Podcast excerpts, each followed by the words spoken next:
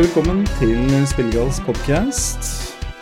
I dag har vi en veldig spennende episode, som vanlig. Hvor temaet er eh, spill som krever eh, eget fysisk utstyr.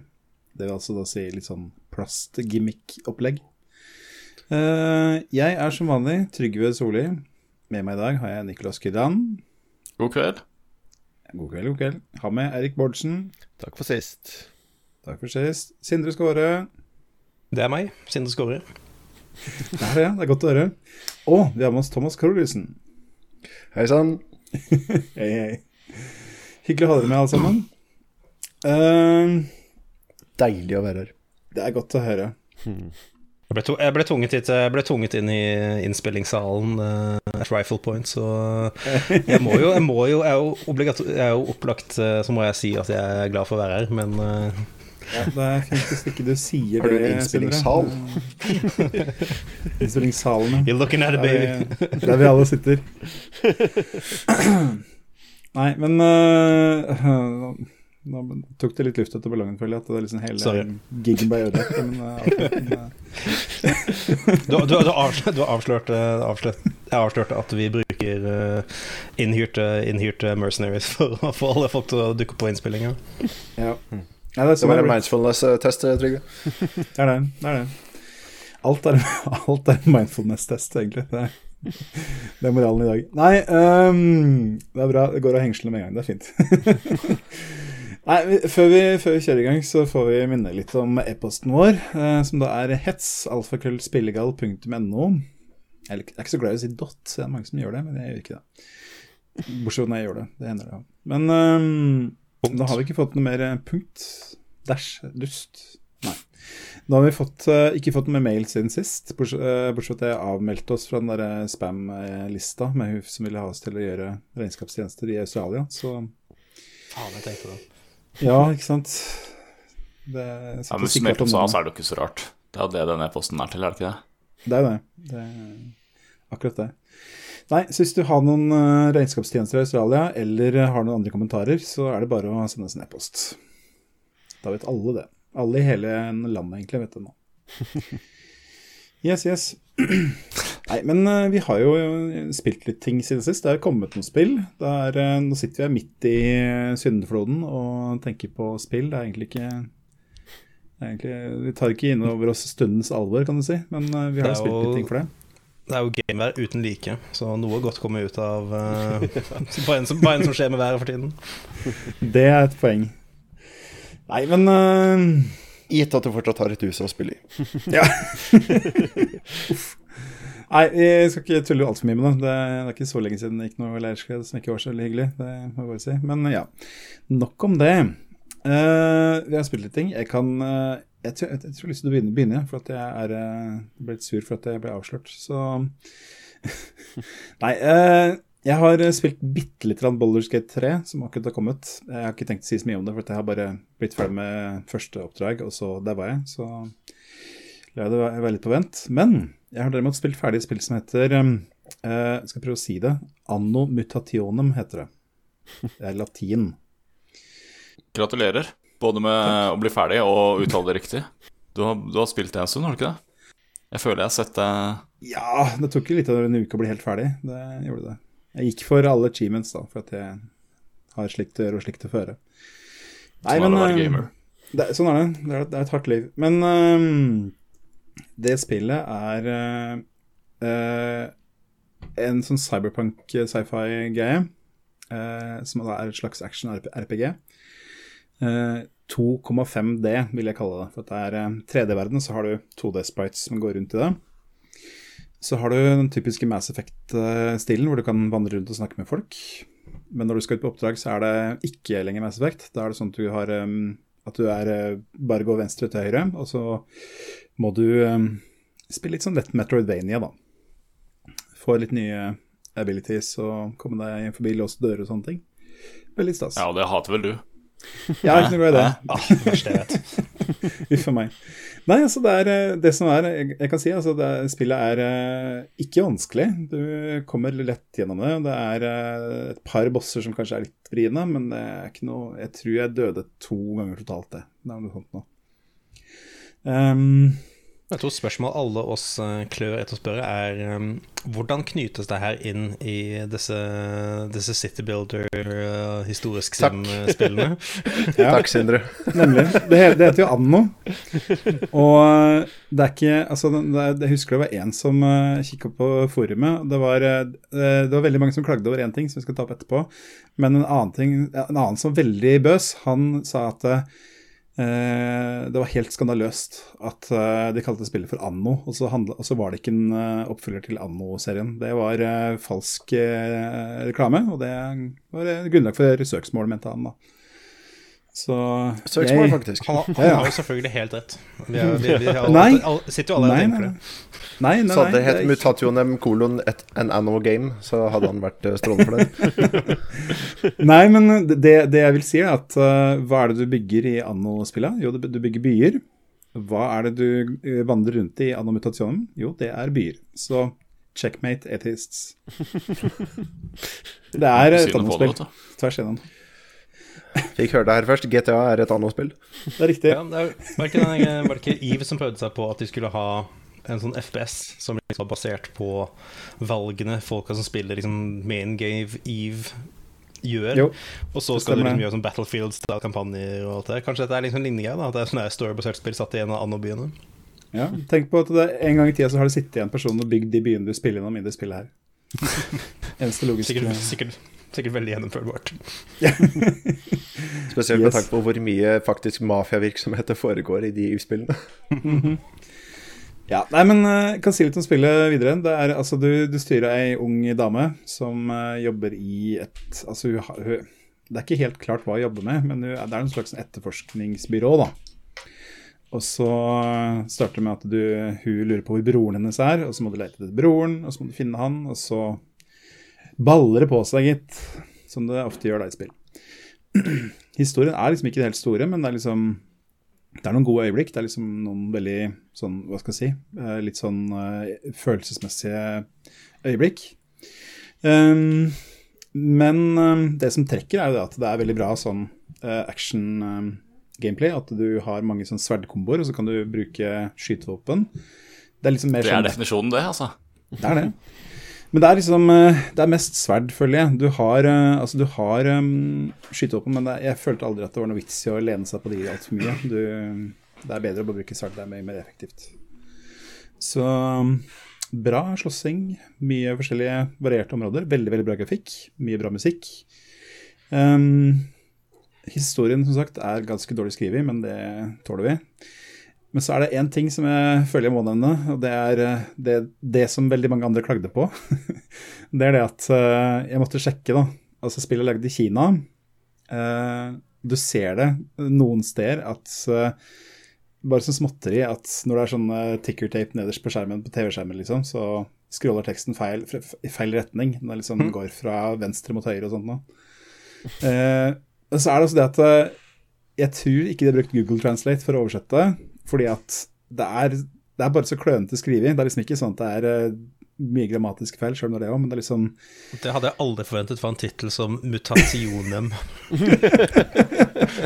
Nei, altså det, det er, Noen steder så er det litt så komisk. Altså det, det, de har faktisk leid inn stemmeskuespillere til å ta cutscenes og sånn, og du hører at de retter på manus når de leser opp noen ganger.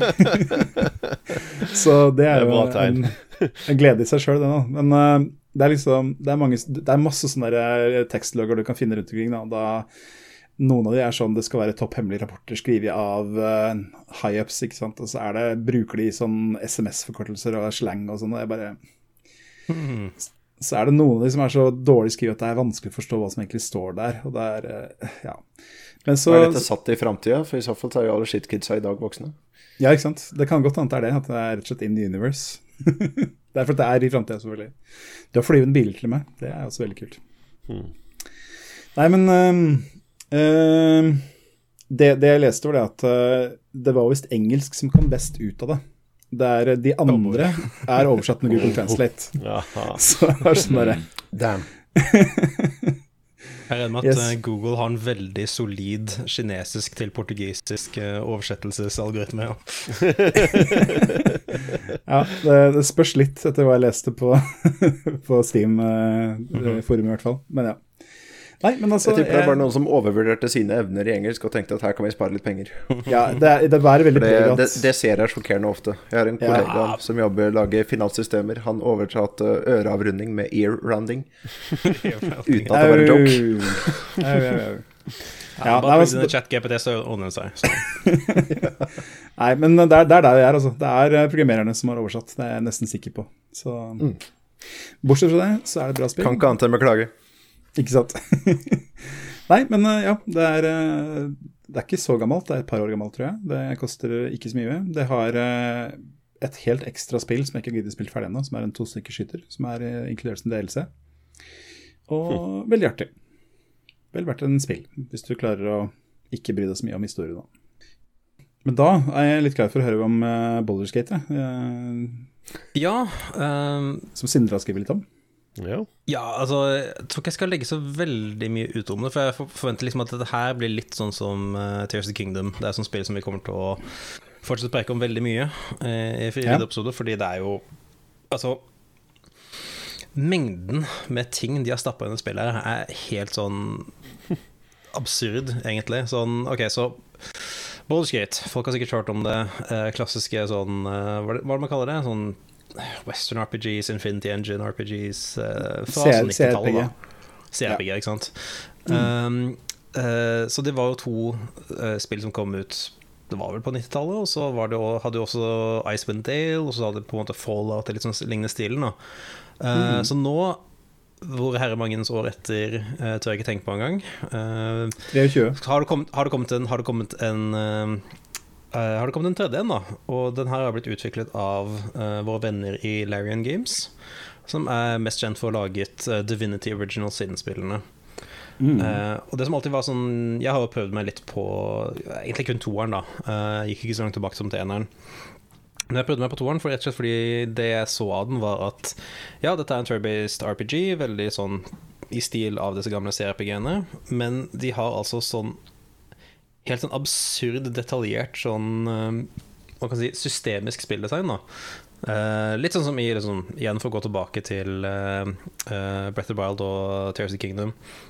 Hvor liksom sånn Du kan ha sånne greier hvor du setter, du, du setter fyr på noe gress, og det liksom eh, starter en kjedereaksjon hvor det er vind som blåser oppover, som kan glide oppover, og så sprer det seg til trær, og så faller det epler for tre som blir bakte epler etterpå. Og det er bare sånne, sånn, sånne type ting da eh, var det liksom som Divinity Original Sin-spillene var veldig gode på. At du kunne gjøre sånne rare ting som å bruke en tele teleportspill for å teleportere en tønne med olje over hodene til fiendene hun slåss mot, og så faller den ned, knuser, dekker alle fiendene i olje, og så eh, og så har du kanskje en fakkel som du bruker som et throwing weapon og pælmer inn på fiendene, og så tar all oljen fyr, og så tar de masse fire damage.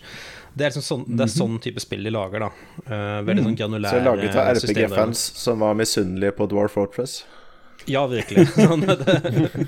Så uh, de har jo nå fått uh, lisensen til å lage et Boulder Skate-spill eh, av Wizard of the Coast. Og det er, altså, det er jo satt i Dungeons Dragons-universet. Um, hva er det det heter igjen, da? Hva er det offisielle navnet på det? Faerun eller Faerun, ja. uh, For Forgotten Realms er det vel settingen det heter. Uh, Faerun er vel bare landet.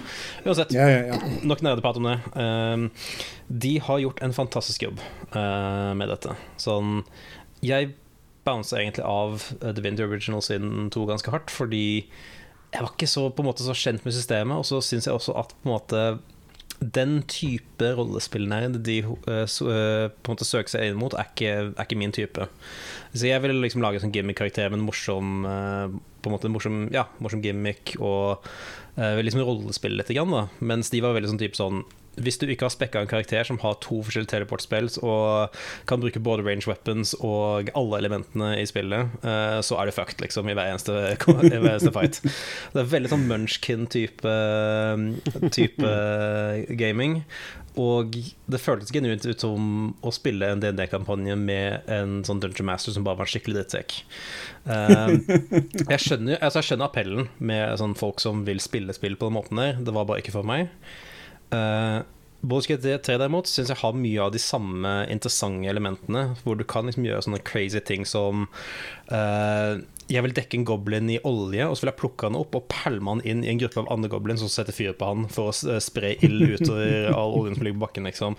Sånne ting kan du gjøre i Baldur's Gate 3, men de har liksom slipt vekk en del av de der litt fiendtlige kantene da, fra, fra Divinity Original sin.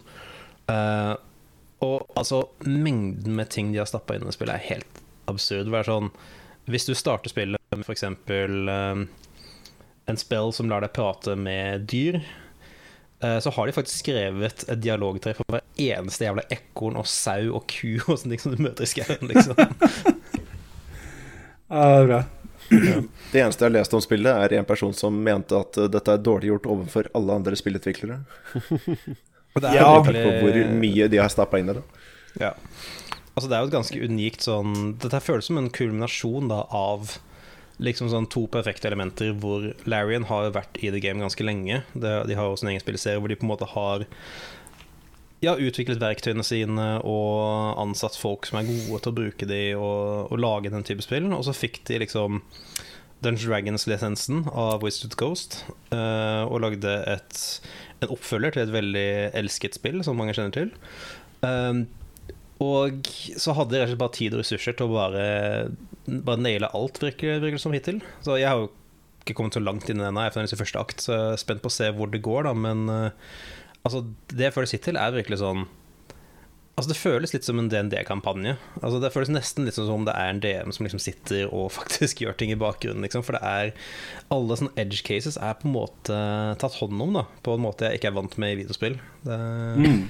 det er imponerende gjort. Ja. Nei, jeg er veldig, veldig enig. Det er, jeg ble veldig overvelda da jeg testa det. Uh, en, ting som jeg, en ting jeg setter veldig pris på, er det at de har ikke Hovedpersonen din er ikke stemmelagt når du er i dialoger, men det er en forteller. Som Ja, ja. Uh, når du forklarer hva som skjer, når du undersøker ting, eller når, du, når det skjer noe spesielt, så får du forklaring. Det liker jeg veldig godt, jeg også. Men jeg synes at det morsomme er jo at i dialog så opptrer jo karakteren som en jævla weirdo. Som bare er sånn Du, har sånn, du prater med NPC-er som liksom har sånn der lang sånn eh, Med ganske god ansiktsmimikk også, vil jeg si, på karakterene. De, de Ja, ja. legger ut om historie og alt det, og så står karakteren og bare gjør sånne rare grimaser, og, sånne Ja. ting, og så kutter, og så, så kutter det tilbake til NPC-en når du skal svare dem. Yes. Nei, men eh, altså, jeg, jeg, det, jeg, det liker jeg veldig godt, altså, når det er litt sånn, det er litt sånn teatralsk, på en måte. Det, syns jeg er veldig kult. Ja, absolutt. Jeg skal ikke legge ut for mye mer om det, men det er uh, um, Ja, jeg er bare veldig glad. Altså, uh, altså Jeg føler litt om det spillet her, litt sånn som jeg føler om uh, Sånn, sånn spill som, som Outer Wilds og, og Undertale og Inscription og sånne ting. Hvor det er sånn Jeg er veldig glad på deres vegne.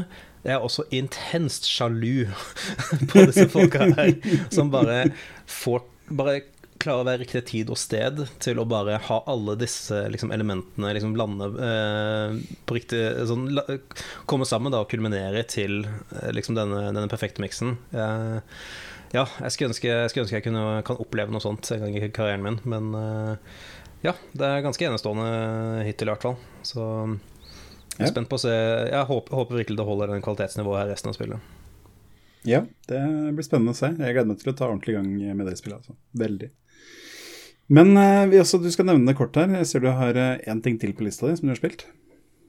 Uh, ja, ok, ja. Så, um, så jeg har ikke spilt Jeg har ikke spilt det her nylig, men jeg plukket opp det her for uh, en stund siden. Uh, det er et spill som heter Manic Miners. Og dette her er en remake av et gammelt Lego-spill som het Rock Raiders. uh, og Ah. det husker jeg spilte veldig mye da jeg var liten. Uh, det er Jeg husker ikke om jeg pratet om det på podkasten tidligere, men eh, i hvert fall Rock Raiders var sånn Det var en periode hvor Lego lagde mye videospill. De hadde liksom sånne ting sånn som Lego Island og uh, Altså Dette er jo før liksom disse lisensierte genene, sånn som Lego Star Wars og Lego Harry Potter og alt det der. Det var når de lagde sine egne originale greier. Det var um, ja, Lego Husker du Island, Kart Lego- Racer og Lego, Lego Racers med skikkelig banger-introlåt. Um, men så var det også sånne ting som Alpha Team og Rock Raiders og sånne ting, som var liksom Lego-sett de solgte. Um, men så hadde de tie-in videospill. Og Rock Raiders er rett og slett en sånn litt sånn eh, Hva skal jeg si? Det er nesten litt sånn der, eh, Det er som en RTS.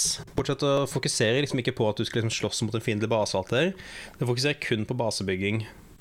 Så hele greia er liksom at uh, Når plottet er at det er en sånn Nesten litt sånn Deep Rock Galactic-type greier, hvor det er en sånn mining-team som reiser, eh, reiser rundt i verdensrommet, og så blir strandet på en eller annen fremmed planet, og så må de liksom grave liksom sånn energikrystaller ut av den planeten da, for å kunne refuele skipet sitt og Diamond igjen.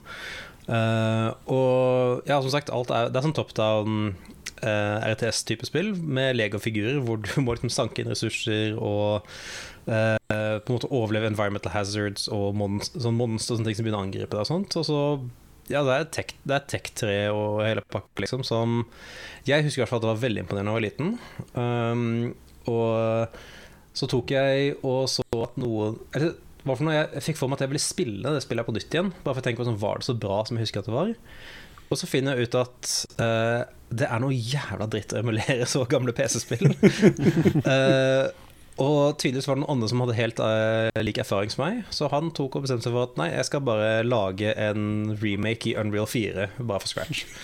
Så han har altså satt seg ned og veldig sånn faithfully tatt og remaka hele Rock Raiders i Unreal 4, men pga. copyright-grunner så kalte han The Manic Miners i stedet. Og det har altså vært i utvikling nå Det er en stund, altså. Jeg tror jeg fant, tror jeg fant det for et halvt år siden, og da var det virket det egentlig ganske ferdig. Jeg klarte å jeg hvert fall spille gjennom hele kampanjen, eh, kampanjen, men det var en del sånn type sånn quality of life-ting som manglet og sånt. Uh, og nå har han altså endelig Jeg tror kanskje sånn forrige uke eller denne uken her så lanserte de uh, versjon 1.0, da, som liksom er den ferdige versjonen.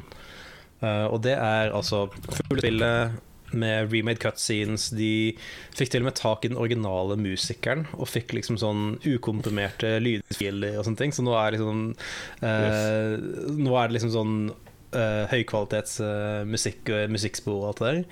Er spillet. Og så har han lagt til sånne ting med at uh, du har en egen sånn character creator, så du kan liksom lage dine egne Lego-figurer og ha en sånn stand-in-person som liksom du kommanderer rundt omkring. Så mm, ja, Det er rart veldig- at veldig- Lego går med på dette. Da. De, de- altså, de, de, du ser jo det gjør de jo Lego. ikke. Dette, er- Nei, ok. Det var det som Det er, på, ja. det er grunnen til at det, det er grunnen til at dette Manic Minus og ordet Lego dukker ikke opp i spillet i det hele tatt. Men de ser er jo akkurat ut som Lego-figurer. Og hvis det er straight up lydene fra spillet, så høres det jo litt sånn veldig på kanten ut. Ja, jeg tror det, jeg tror det eksisterer litt den sonen hvor det flyr under radaren, og så tror jeg han bare håper at Lego ikke er like kjipe som Nintendo. Ja. Eh. Du får det til å høres ut som det eneste som er kopibeskytta, er navnet. Ja. Mm. Vi, får, vi får laste ned så fort vi kan, egentlig. Det, Det er, det er det jeg har gjort. Jeg dro ned versjon 1.0 så snart det ble lansert, og nå ligger det på harddisken min. Så uansett hva som skjer, så har jeg i hvert fall en kopi. Ikke sant? Yes, nei, men det skal definitivt sjekkes ut, for å si det sånn. Mhm. Så um, det var et bra tips, syns jeg. Yes, skal vi rushe videre til uh, Thomas, og du har uh, holdt på med i det siste? Da ser du har holdt på med litt forskjellig. Ja, eh, vi kan egentlig starte med en eh, rant. For eh, som en veldig garvet, gammel action RPG-fan, så har jeg selvfølgelig også spilt litt i Diablo 4. Ja. Mest på forsommeren. Og som vi alle vet, de beste delene av Blizzard er vel egentlig de som lager virusnuttene og markedsføringa. så det var jo en uh, gedigen skuffelse. Men uh, som de fleste spill, så var det jo gøy å spille med venner, så spilte du litt. Men det var jo en del uh, hva skal jeg si, hindringer til å så virkelig orke å spille det over lengre tid, som man typisk gjør med de spillene her. Altså, jeg har nærmere 3500 timer i Path of Exile, bare for å gi en sammenligning. Og det at eh, ah, du, skal, du, du kan spille en fet sorceress, og du har liksom de svære spelsa, du kan ta ned svære demoner og sånt, men så bruker du den ene spillen, og så må du vente 40 sekunder. Alt har cooldowns. Så du føler liksom ikke så veldig sprekt. Du kaster din ene ting, og så har du en sånn PP-shooter for å prøve å bygge opp mana, sånn at du endelig kan kaste den en gang til, og så Ja. Og hele spillet er liksom bygd opp på den måten der med venting og delays. Og da ender det opp med ikke et action-RPG, men heller en, hva skal jeg si, nedtrappa versjon av et uh, Av et MMO. Som Ja. egentlig bare går på at du finner deg den rekkefølgen du kaster dine fire abilities på, og så gjør du det og rinse and repeat. Og så blir det en sånn slags syklus på det. Da, ikke da, har de, da har de tatt bort nesten alle avgjørelser ja. Men i løpet av en combat. Var det ikke cooldowns i Altså, jeg har jo- egentlig kun spilt Diablo 2. Eh, Jeg husker jeg prøvde Nei. å spille Diablo 3, men jeg bare bounsa rett av det. Men det var Nei, ikke cooldowns eh, i det? Ikke Det cooldowns i Diablo 2 eller Diablo 1 eller POS, Okay. så det er egentlig bare mana, og du må finne en måte å håndtere det på. Det kan være ved å sluke potions eller fikse mana regeneration eller sånt, men i Diablo 4 så har du både mana og cooldowns. Bare for å virkelig gni inn. Men poenget var De fikk jo litt kritikk på de tingene som ikke fungerte så dårlig. Og så sa de ja, men vi skal begynne med seasons, eh, som Pathfix skal gjøre sånn. Så et par ganger i året så kommer vi ut en ny season, og da legger vi ut nye ting. Og så ok, greit, fett. Prøver season one. Og det de har gjort i season one, er at de har egentlig nerfa absolutt alt som finnes i hele spillet. Så nå, det, nå tar det vesentlig lengre tid å levele. Du har eh, mindre defenses, så det er eh, enda litt vanskeligere, uten at det gjør combaten mer morsomt. Å, herlig. Bare, ja, gutta, gutta, god nyheter. Vi fant, vi fant moroa, og vi fjerna den. Yes, det, det, det er nøyaktig det de har gjort. Og så har de lagt til én ny mekanikk som Ja, du kan ta ned svære monstre, og så legger de igjen et hjerte, og det kan du sokke til equipmentet ditt. Og jeg fikk et sånt hjerte, og det ga meg 25 armor, og da, nå har jeg avinstallert spillet. Elsker, Uff, for meg. elsker moderne spilldesign. Elsker moderne spilldesign. Yes. Ja, ja. Alt, alt skjer i et Excel-ark. Ingen, ingen Yes. faktisk interaksjon med spillet og de som lager det. Veldig stor, fin knapp til uh, in game-butikken, da dere kan bruke penger. Oh, yes. Sikkert en egen hotkey. For det var ikke nok med 90 dollar for å spille i utgangspunktet. Nei. Altså, jeg spilte Barbetan i noen timer, og jeg følte meg egentlig ferdig da. Det var liksom ikke noe nytt, sånn annet enn selvfølgelig den herlige Skinner-boksen. Men jeg har jo, et, eh, jeg har jo egentlig et spørsmål her til, eh, til du som har spilt en del av disse spillene. Fordi som sagt, jeg spilte jo en del eh, Diablo 2, som som jeg tror egentlig samtlige rom, samtlige rom gjorde når, det- når man var ung. Uh, ja. Jeg husker jo veldig godt uh, det du nevnte med Manu og alt det der. Eh, jeg husker jo at jeg spilte sammen med en kompis, og måten vi spilte på, var at én satt, satt på tastaturet, og én satt på musen. Og var en som, måtte bare, en som var dedikert potion-mann, som bare trykket på Ja. potion, og så var tom for la mana eller helse, og den andre bare tok og trykket på trykket med musen og. Men but I digress. Det jeg var litt nysgjerrig på, var Jeg husker jeg prøvde å spille Diablo 3 med noen venner. Um, Nevnte venn som delte musetastatur med meg. Uh, og jeg bare hadde det ikke gøy i det hele tatt. Og det jeg satt og tenkte litt, er det sånn Er det, er det spillet som bare endret seg? Er spilldesignet blitt kjipere, eller er det bare at jeg ikke Det er dårligere syns venner. sånne Det er helt riktig. ja, ja, ikke sant? Eller, eller er det bare at jeg ikke syns sånne type spill er appellerende lenger? Sånn number go up, uh, sånn Ja, for Ja, nå får du jo sånn den i alle andre spill også. Nå Ja, får du ja, jo liksom det. det kledd ut av Destiny, eller Ja, eh, Du kan jo bare spille et ekte spill hvis du vil ha det tallet som det større. Ja, Jeg vil si at Det ene er at det er jo mye mer konkurranse. Da Diablo 2 var ute, så var Diablo 2 det eneste som gjorde noe i nærheten av det Diablo 2 gjorde. ikke sant? Altså I dag så er jo 50% av de mekanikkene der er jo arkaiske i, i dag, men de var eh, banebrytende, og de var aleine om det da. Ja. Eh, Det andre jeg vil påstå, er at Diablo 3 er en elendig eh, spill for å finne ut om det er den type spill som gagner deg eller ikke. For uh, Diablo 3 ble laget rundt da Blizzard uh, tenkte at nå skal vi prøve å gå raskest mulig til helvete når det gjelder uh, våre kunder. Det var uh, ca. da Blizzard Activision ble et item. Jeg skulle til å nevne det. Ja. Så, så nei, det, jeg vil heller ikke påstå at det spillet på noen måte er eh, bra innenfor eh, sjangeren. Jeg likte, jeg likte treeren, jeg. Jeg koste meg gjennom den, men jeg spilte riktignok bare storyen og så var jeg ferdig med det som en sånn gøyal ting å blaste gjennom en helg, liksom. Ja, for folk spiller jo Diablo på litt forskjellige måter, gjør de ikke det? Ja, altså storyen var jo Ja, jeg er enig i at det var ikke noe dyp story, men, eller noe sånt, men bare at det var gøy å see the numbers go up en helg. Men jeg gadd jo ikke aldri spille sesonger og sånne ting. Men Ja. Og så kom det en sånn- expansion, så numrene plutselig hadde tolv sifre, så da var det heller ikke gøy. Men et, et lite spørsmål til spillhistorietimen her. Uh, oppsto, oppsto Path of Exile parallelt med Diablo 3, eller kom det som en motreaksjon til hvor ræva Diablo 3 var? Eh, det som er litt artig, er at eh, alle de som har vært med og lagd eh, Diablo 1 og Diablo 2 og Torchlight sånt, de, de har jo ikke noe med Diablo 3 å gjøre. Alle de som på Diablo 3 var nye, bortsett fra én fyr som jeg tror stakk halvveis. Nydelig.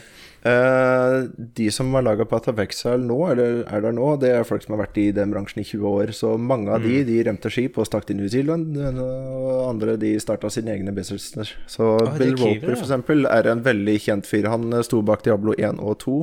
Han Mm. gikk etter hvert over og lagde Flagship og lagde Torchlight. Og Ja, i dag er jeg ikke helt sikker på hva han gjør. Så, ja.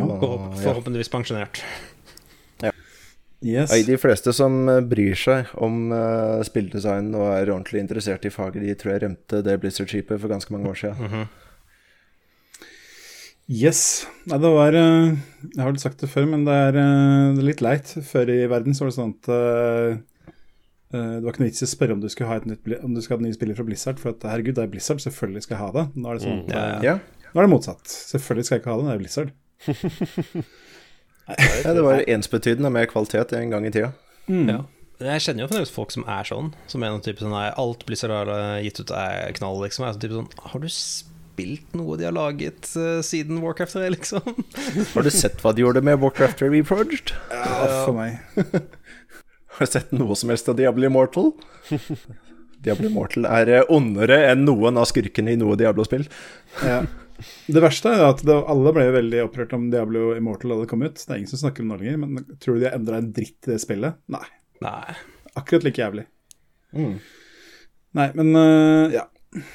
Så de har fasiten. De har løst det. Hvorfor endre noe? Ja, ikke sant? Jeg jeg, jeg, Optimale spilldesign er oppnådd. Move on. De fikk det, de fikk det endelig til.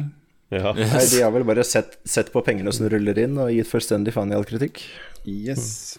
Et merkverdig spill. Den eneste måten å vinne på er å ikke spille det. yes, yes. Ja. ja, men har du noen eh, visdomsord om noen andre ting heller, Thomas? Som du har skrevet på serien? Eh, vel, jeg har ikke turt å kjøpe Baldur's Gate 3, for jeg bare veit hvor mye tid som plutselig kommer til å gå med. Yes. Men uh, en ting jeg kom, kommer til å skaffe meg snart, er nok uh, Pikmin 4. ja. Oh, ja. Jeg likte Pikmin 3 veldig, veldig godt.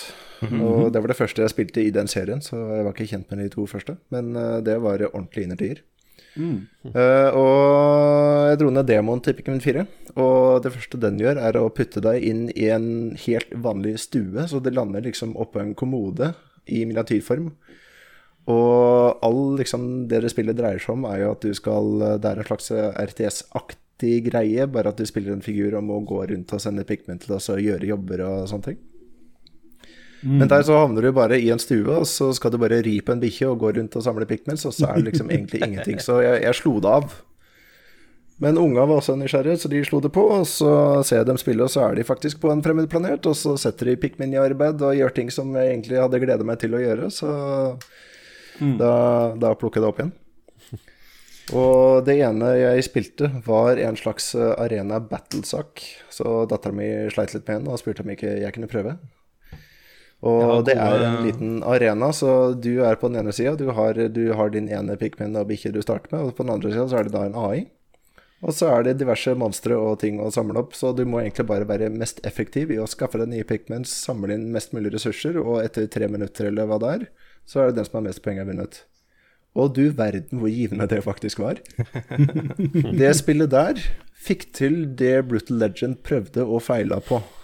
Nemlig å ha en viss form for eh, RTS med litt sånn der en, eh, action i uh, styr én figur-elementer på en konsoll. Så ja.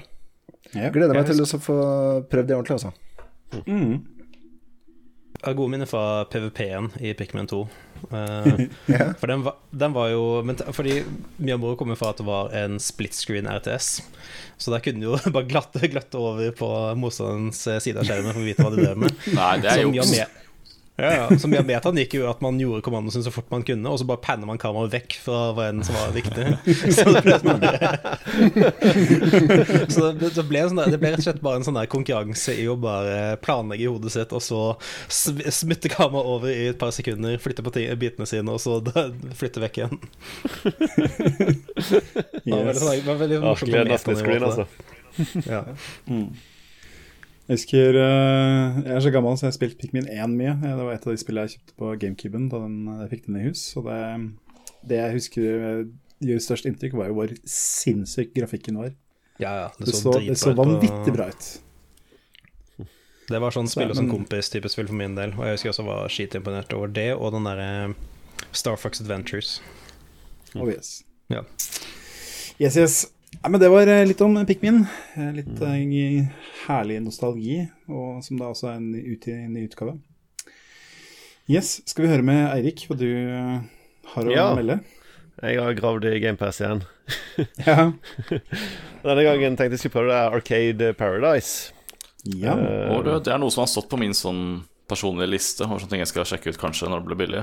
Hvordan, ja, det var, det hvordan er det? hos meg òg. Lenge. Og så kom det på GamePass, da, så da var det jo, da var det jo billig. Saken var biff. ja. Ikke billigere enn GamePass, Niklas.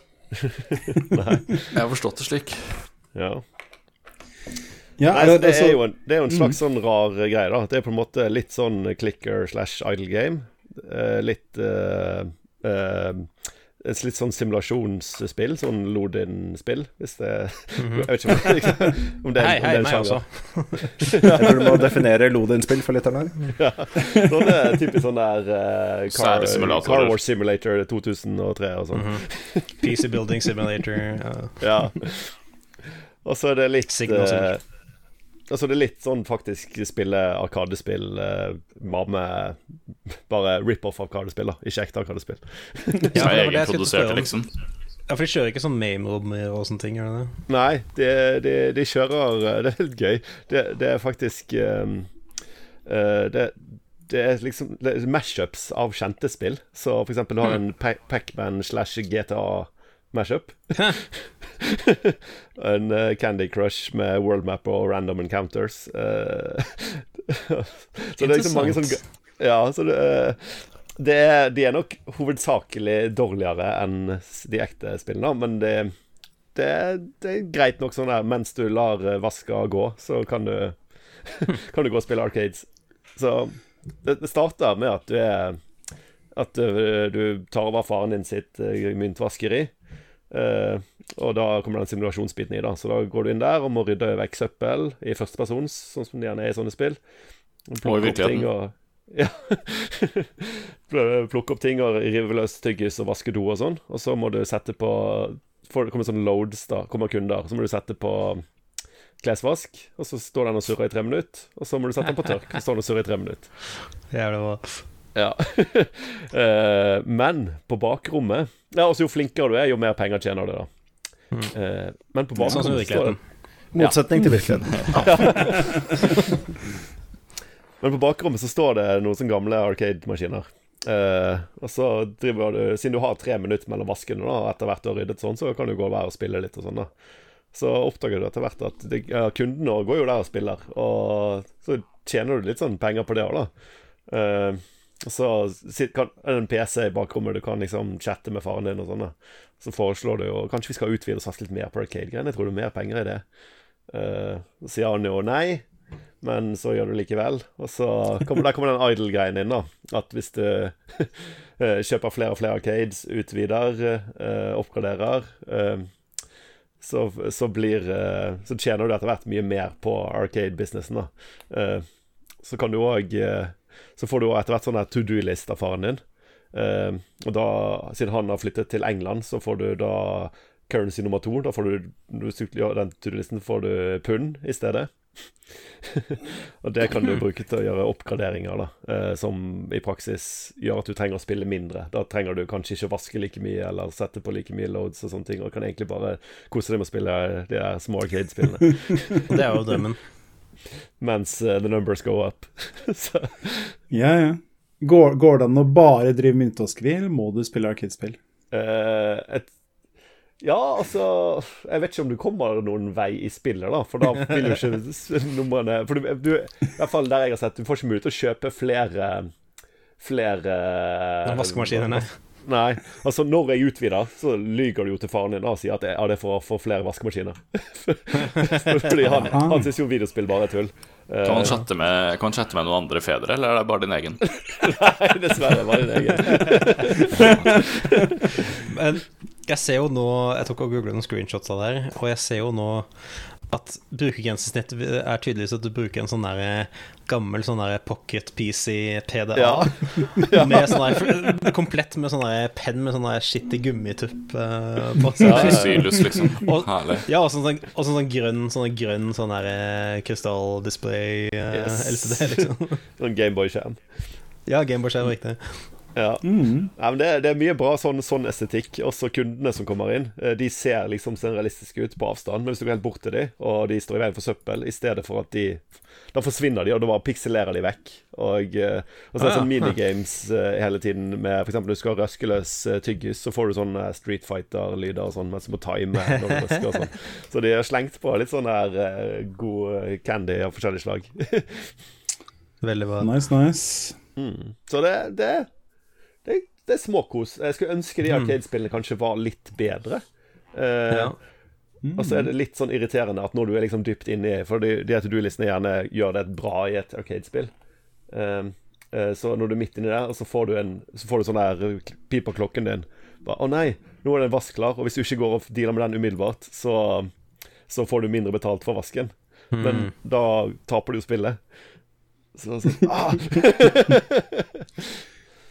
Ja, hvis du er flink i spillene, så oppgraderes også maskinene, sånn at da, da, da blir de Det gir ikke helt mening, men hvis du er flink til å spille i arkadespill, så vil de arkademaskinene tjene mer penger. Makes sense. Akkurat som virkelig. Ja. Akkurat som virkeligheten. Så det er ikke en ukjent eh, designidé, og at du skal prøve å sjonglere to ting og gjøre de to tingene bra samtidig, og dermed liksom må velge og prioritere litt. Men Ja, ja, er arkadespill er jo no kjent for å være notorisk nådeløse på å glippe et par sekunder. Ja. Det er jo Ja. interessant avgjørelse å prøve å kombinere det med å måtte bare bokstavelig talt stikke fra kabinettet for å så gjøre busy work. ja. Jeg tipper at etter hvert så blir det sånn at du tjener såpass mye mer på arcades. Jeg tjener allerede dobbelt så mye på det som på vask. At det å At du bare driter i vaskebiten totalt. Men, Du driter i arkadebiten Ja, for- kan fokusere 100% på bare loadsene, liksom. Sette på bas, ta det ut, ja, henge opp. Mm. Yes! Det er, jo, det er jo en staple av sånne simulasjonsspill av at liksom alle de irriterende småtingene er jo noe som du hovedsakelig blir eh, lempet på i begynnelsen, og så f får du bare stier til å optimalisere i løpet av spillet. Da. ja, Det var sånn slitsom gameplay. Det jeg er nysgjerrig på, er om, eh, er om det er mulighet å modde inn, sånn at eh, de arkadespillene faktisk er ordentlige, som sagt, som- sånn Mame Broms og Ja. sånne ting. Fordi- jeg Tenkte akkurat det samme. Nå er det Ok, så nå er det mulig at jeg kanskje prater drevet her, men jeg mener å huske at det var et sånn VR-arkadespill. Sånn Arcade Simulator i VR. Hvor de offisielt var sånn type sånn Å, her er liksom eh, Her er spillene du kan spille åt der. Men hvis du graver litt i filene, så finner du ut at å nei, de spillene du kan spille, er jo på en måte hjemmelagde roms de har laget. Så det er veldig lett å bare dumpe liksom alle main-momentene inni det, og så bare kjøre spillene på det. da Så da kan du egentlig bare kjøre liksom hva faen du vil liksom i, i den arkadesimulatoren. Ja. Så det er bra kan hende det er litt lignende utviklerne- situasjoner. Ja. Bare når utviklere skjønner kundene sine. Var, var det ikke den Mhm. PlayStation Mini eller SNES Mini eller noe sånt, der det, der det liksom, hvis du gravde litt inni der, og fant, så sto det en tekstfil der basically bare sto Ja, greit, have fun. ja, jeg tror det er ganske bagatellmessig å hacke de, eller Ja. eh, hva man kaller det, route de. Um, Ja, min, eh, jeg hacket SNES min veldig lett, iallfall. Yes, det er bare å kjøre over roms der. Det har vi en en NES Mini sjøl. Mm. Yes, yes. Nei, men kult å ha. Det finnes jo noen gode tips her. Um, ha, har du noen tips til oss, eller, Nicolas? Eller skal vi tusle videre? Nei. Jeg har ikke spilt noe. Sett Nei, noe, ikke hørt noe. Nei, du, du pleier ikke å spille noen ting, du, så det er greit. Det er greit. Da har vi Very good. Da har vi ukens tema. Som i Bare minner om da, at temaet er eh, spill som krever eh, fysisk utstyr. Altså en eller annen plastdingseboms du trenger for å spille spillet. F.eks. pistoler, eh, mikrofoner, plastinstrumenter og sånne ting. Mm. Gitarer, ja. Ja, har vi noen erfaringer med det, eller, folkens? Nei Jeg tror ikke Nei, jeg kan ikke, jeg kan Nei, ikke vi for ferdig, da. Takk for nå. Ja, greit, det var det. vi, bare, vi, har, vi har bare ikke spilt spill det for, uh, eh, Mm. så forrige tiåret, liksom.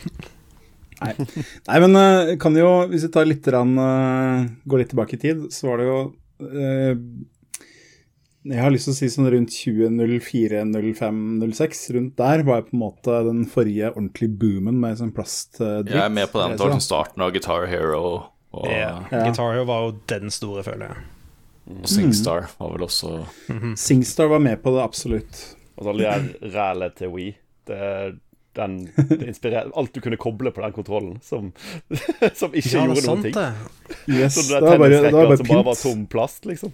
Det var jo ingen, var ingen verdens tegn bare for å ha pynt på kontrolleren din. Det, Ja. En ting jeg tenkte på, fordi med Wii så hadde du plutselig en kontroll som kunne fungere som alt, uten at du egentlig måtte kjøpe alt eh, ekstra. Så du måtte ikke ha en dedikert pistol, du måtte ikke ha noe dedikert uh, hva enn det måtte være. Så i stedet så begynte de å selge så mye jævla forbanna plast du kunne liksom stappe den oppi uten at det gjorde noe som helst. Ja. Oh yes. Annet enn å dekke for visse knapper eller gjøre det vanskeligere å trykke. Men vi får vel nesten ta en egen episode for plasteri til Wii. For der har du så mye Et av hovedkonseptene var Wii-måten var at nå kan du faktisk spille golf og svinge den der Wii-måten som en golfkøller, så la oss putte på en to meter lang plastgreie, så putte den oppi. Ja. Hvis du gjør en sånn der eh, sånn core, Hvis du gjør en sånn core sample av den der Great Pacific eh, Garbage Patch, og bare måler den plasten, så er sånn 30, 30 av det er vel Nintendium. yes. Nintendium, fordi det aldri bryter ned. Ikke sant? Ja. Nei, jeg har, jeg har en, eh, sorg når det gjelder det der. Da. Det er det at uh, det er ett Zelda-spill jeg ikke eier, uh, Ja. som er offisielt. Og det er selvfølgelig Er det Links Crossbow Training. Gadd bare ikke kjøpe det for at det så så jævla ut. Ja, det, det var vel bare en time Jeg- langt der sånn nå, tror jeg. Det tror jeg var Jeg fikk det av en kompis, Oh. Ja, med den der plastbua putten oppi.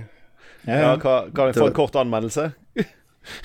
Det var eh, det, det var et lite skittspill. Altså Hvis du har spilt Time Crisis og den slags lignende, så var det egentlig akkurat sånn det var. Ja. Bare med Zelda-tema. Jeg hadde en studiekompis som kjøpte alt av Nintendo, og da mener jeg virkelig alt, liksom. Eh, eller ikke bare Nintendo, bare alt av liksom sånn spill og peripherals og alt det der. Eh, så var jeg hjemme hos han en gang og prøvde Links crossbow training, og det var egentlig ganske gøy. Sånn, det verste er å si at det var, det var faktisk litt gøy å ha den dumme jævla plastarmbrøsten og liksom skyte blinker blinke og sånne ting. Men det er sånn type sånn Jeg vet ikke om det er verdt det. Altså, det, det tenkte det at eh, i eh, Twilight Princess, som er det spillet det er basert på, så er det jo et sånt bue-minigame. Ja, Jeg tenkte Er det ikke bare det samme, bare at du må betale ekstra for det? Ja. Jeg tror det var bygd på det. Yes. De brukte Nei, men, samme motoren og samme fiender og sånt, men eh, det var jo et selvstendig spill med litt andre mekanikker enn det minigamet. ja. Men uh, igjen, det er, det er fortsatt en on-rails shooter à la Time Crisis og lignende. Men ja, som sagt, det var, det var gøy en time. Du var egentlig ganske spot on der, Erik. Det var ikke så lenge vi spilte det, så spilte vi golf igjen. Men apropos Yes. Time Crisis, det hadde jo også en hjemmelansering, hadde det ikke det? Jo, jo, jo. Jeg husker i hvert fall at uh, det var vel i uh, Arkadeepisoden så pratet vi om den gangen uh, du og meg, Nico. Ja. Da vi brant gudene vet hvor mange jævla tiltmynter på Rune Time Stemmer det. Crisis. Best du ikke tenker på det. Men ja, ja, da det, men, men da lente vi, da lente vi oss veldig på din erfaring med så vidt jeg husker PlayStation 2-versjonen av Time Crisis. Ja, ja, ja. Ja, og eneren kom jo på PlayStation 1 også, med en egen sånn separat eh, bonuskampanje. Ja, det var det og- kanskje. Ja, altså begge, alle de tre første i hvert fall kom på PlayStation. Så mista jeg telling, styring. Hadde pistol og pedal og sånt, eller var det bare at du spilte med kontroller? Det hadde Liksom? pistol, men den var ikke like For noe av stykken med den på arkademaskin var jo at den, uh, at den bevegde seg. Den toppdelen liksom hoppa bakover. Som Ja, den har sånn- recoil, ja. Mm, Ja, ja. eh, så jeg hadde ikke hjemmeversjonen. Men det var jo en sånn Jeg følte det var jo en sjanger med liksom sånn Namco-titler og whatever, sånn lightgun shooters, liksom. Før mm. uh, moderne skjermer drepte dem.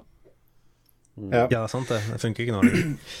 Nei, men vi kan, vi kan gå tilbake dit. da, hvor det er der med lyspistoler. Det var jo Den første jeg prøvde, var jo til NES og Duck Hunt og det greiene der. Ja, ja. Duck Hunt. Uh, så det ble jo gjort noen forsøk. Altså, du hadde jo Et NES-spill var jo Gumshoe, som, hvor, du, hvor, du, hvor det var en sånn detektiv som drev og løp bortover. Og så måtte du blaste ting som ble kasta på han, eller fiender som kom, og så måtte du skyte på han for å få han til å hoppe. Og så måtte du slåss mot bosser, og du måtte samle ting for å få kunne fullføre oppdraget og komme til siste bossen og greier. Det var veldig involvert, husker jeg. Jeg syns det så dritkult ut, men uh, det aldri Jeg fikk aldri spilt det da jeg var liten, men jeg har spilt det på emulator, faktisk. Det er, uh, det er ikke like bra i dag, det kan jeg avsløre. men det er litt Hadde også et annet som- som het annet med Hogan's Alley, Hogan's Alley, det, ja. Det var sånn samme året som Duck Hunt. Ja, ja. Og der var det sånn eh, Skyt på skurkene, ikke skyt på damene. Ja, ja. Det bruker samme pistol, gjør ikke det? Samme pistolen, ja. Eh, ja, ja. Ja, for jeg husker dette fra, husker dette fra, Smash, husker dette fra Smash Brothers. Fordi en av Ja, favorittkarakterene mine å spille var jo Han het vel bare Duck Hunt, som er den bikkja og, en, og en and. Duck Hunt Eh, Duo. Og veldig mye av, veldig mye av på en måte, angrepene er jo basert på eh, Nintendo Light Gun-spill. Og der var det veldig mye ting Oh, sånn. Men faen av disse cowboyene og ballongene og, Nå måtte jeg, gjøre, måtte jeg google litt. Grann, og var typ sånn, Hva er alle disse referansene her, liksom? Og det, ja, det var Gumshoe og Hogan's Alley, så klart. Oh yes. Det rare er at uh, i dag, nå som jeg er voksen og utvikler og sånt, så blåser det sinnet mitt at de fikk til en lightgun-shooter i 1984. Ja, ja. ja. hvordan det der fungerte i det hele tatt, med nes som omtrent ikke klarte å stable fire farger på beina. Det er er sykt eh, imponerende. vanvittig. Er. Og så hvordan de klarte å emulere det perfekt med moderne teknologi i Red Steel 2. Riktig. Men det er ikke som om Nintendoen kunne gjøre noe med TV-en, så det er selve pistolen som fanger opp lys fra TV-en og prøver å tolke det, så det er egentlig bildetolkning på 80-tallet. Mm. På er prosessorer som- Ja. Går så tregt. Ja, det, det er små kameraer, bitte lite et. Jeg tror den egentlig bare sender de fire pikslene den klarer å se på for øyeblikket. Og hvis de fargene stemmer overens med, med en and, Ja. så, så har de truffet den. Så jeg tror de gjorde det med vilje at uh, de enerne har andre farger enn noe annet på skjermen. Ja, men det som skjer er Når du trekker av, så blir hele skjermen, Så flasher skjermen i hvitt. Ja, og så er det Stemmer det! Bortsett fra Anna. Ja, Ja. den blir, Så hvis- den blir Altså- Hvis den plukker Ja. opp noe annet enn hvitt, så sender den klarsignal, ja. Mm. Eh, ja, motsatt. Ja. Det er heller sånn Som i tillegg fikk en litt sånn en bra effekt. Men, så vet, så, så du, kan, du kan lure spillet bare putte hånden din over pistolløpet, og så ser den ingenting, og så tror den Nei, men jeg tror han må se noe hvitt rundt. Han, han må sånn. se Ah, de okay. fargene, tror jeg. Ja. Men Det, det, er, det er et eller annet, eh, det er et eller annet som, eh, som skiller måla, slik at den vet hva du skyter på. Det er ja. et eller annet Ja, kanskje det er rødt eller et eller Men annet. jeg lurer på om det var noe sånn at det, siden det er en bilde av en and på coveret, så kunne dere egentlig bare peke pistolen mot coveret og trykke av der. Det hadde vært veldig bra hvis det er tilfellet. Noe i den duren. Ja. var et sånt hack. Ja, det, det som er eh, De som eh, eventuelt hører på ikke aner hva vi prater om her, så er det jo det at dette her er jo en sjanger som er helt borte. Det er, det er rett og slett fordi at um, de gamle lyspistolene var, var jo avhengig av at de kunne se akkurat idet du trykte på avtrekkeren, kunne de se rett på TV-skjermen og se bildet. Det går ikke an lenger, fordi alle moderne TV-er, LCD-skjermer og sånn har en bildeprosessor som bruker et brøk til et kvart millisekund på å gjøre om bildet til eh, det du skal vise på skjermen. Og det er så lang forsinkelse at eh, pistolen klarer ikke å fange det opp i det du trykker av. Så det går ikke lenger, dessverre. Så jeg har eh, Jeg kjøpte jo en lyspistol til Xbox, den første, så jeg kunne spille House of the Dead 3. First of his name. Ah, ja. Oh, yeah.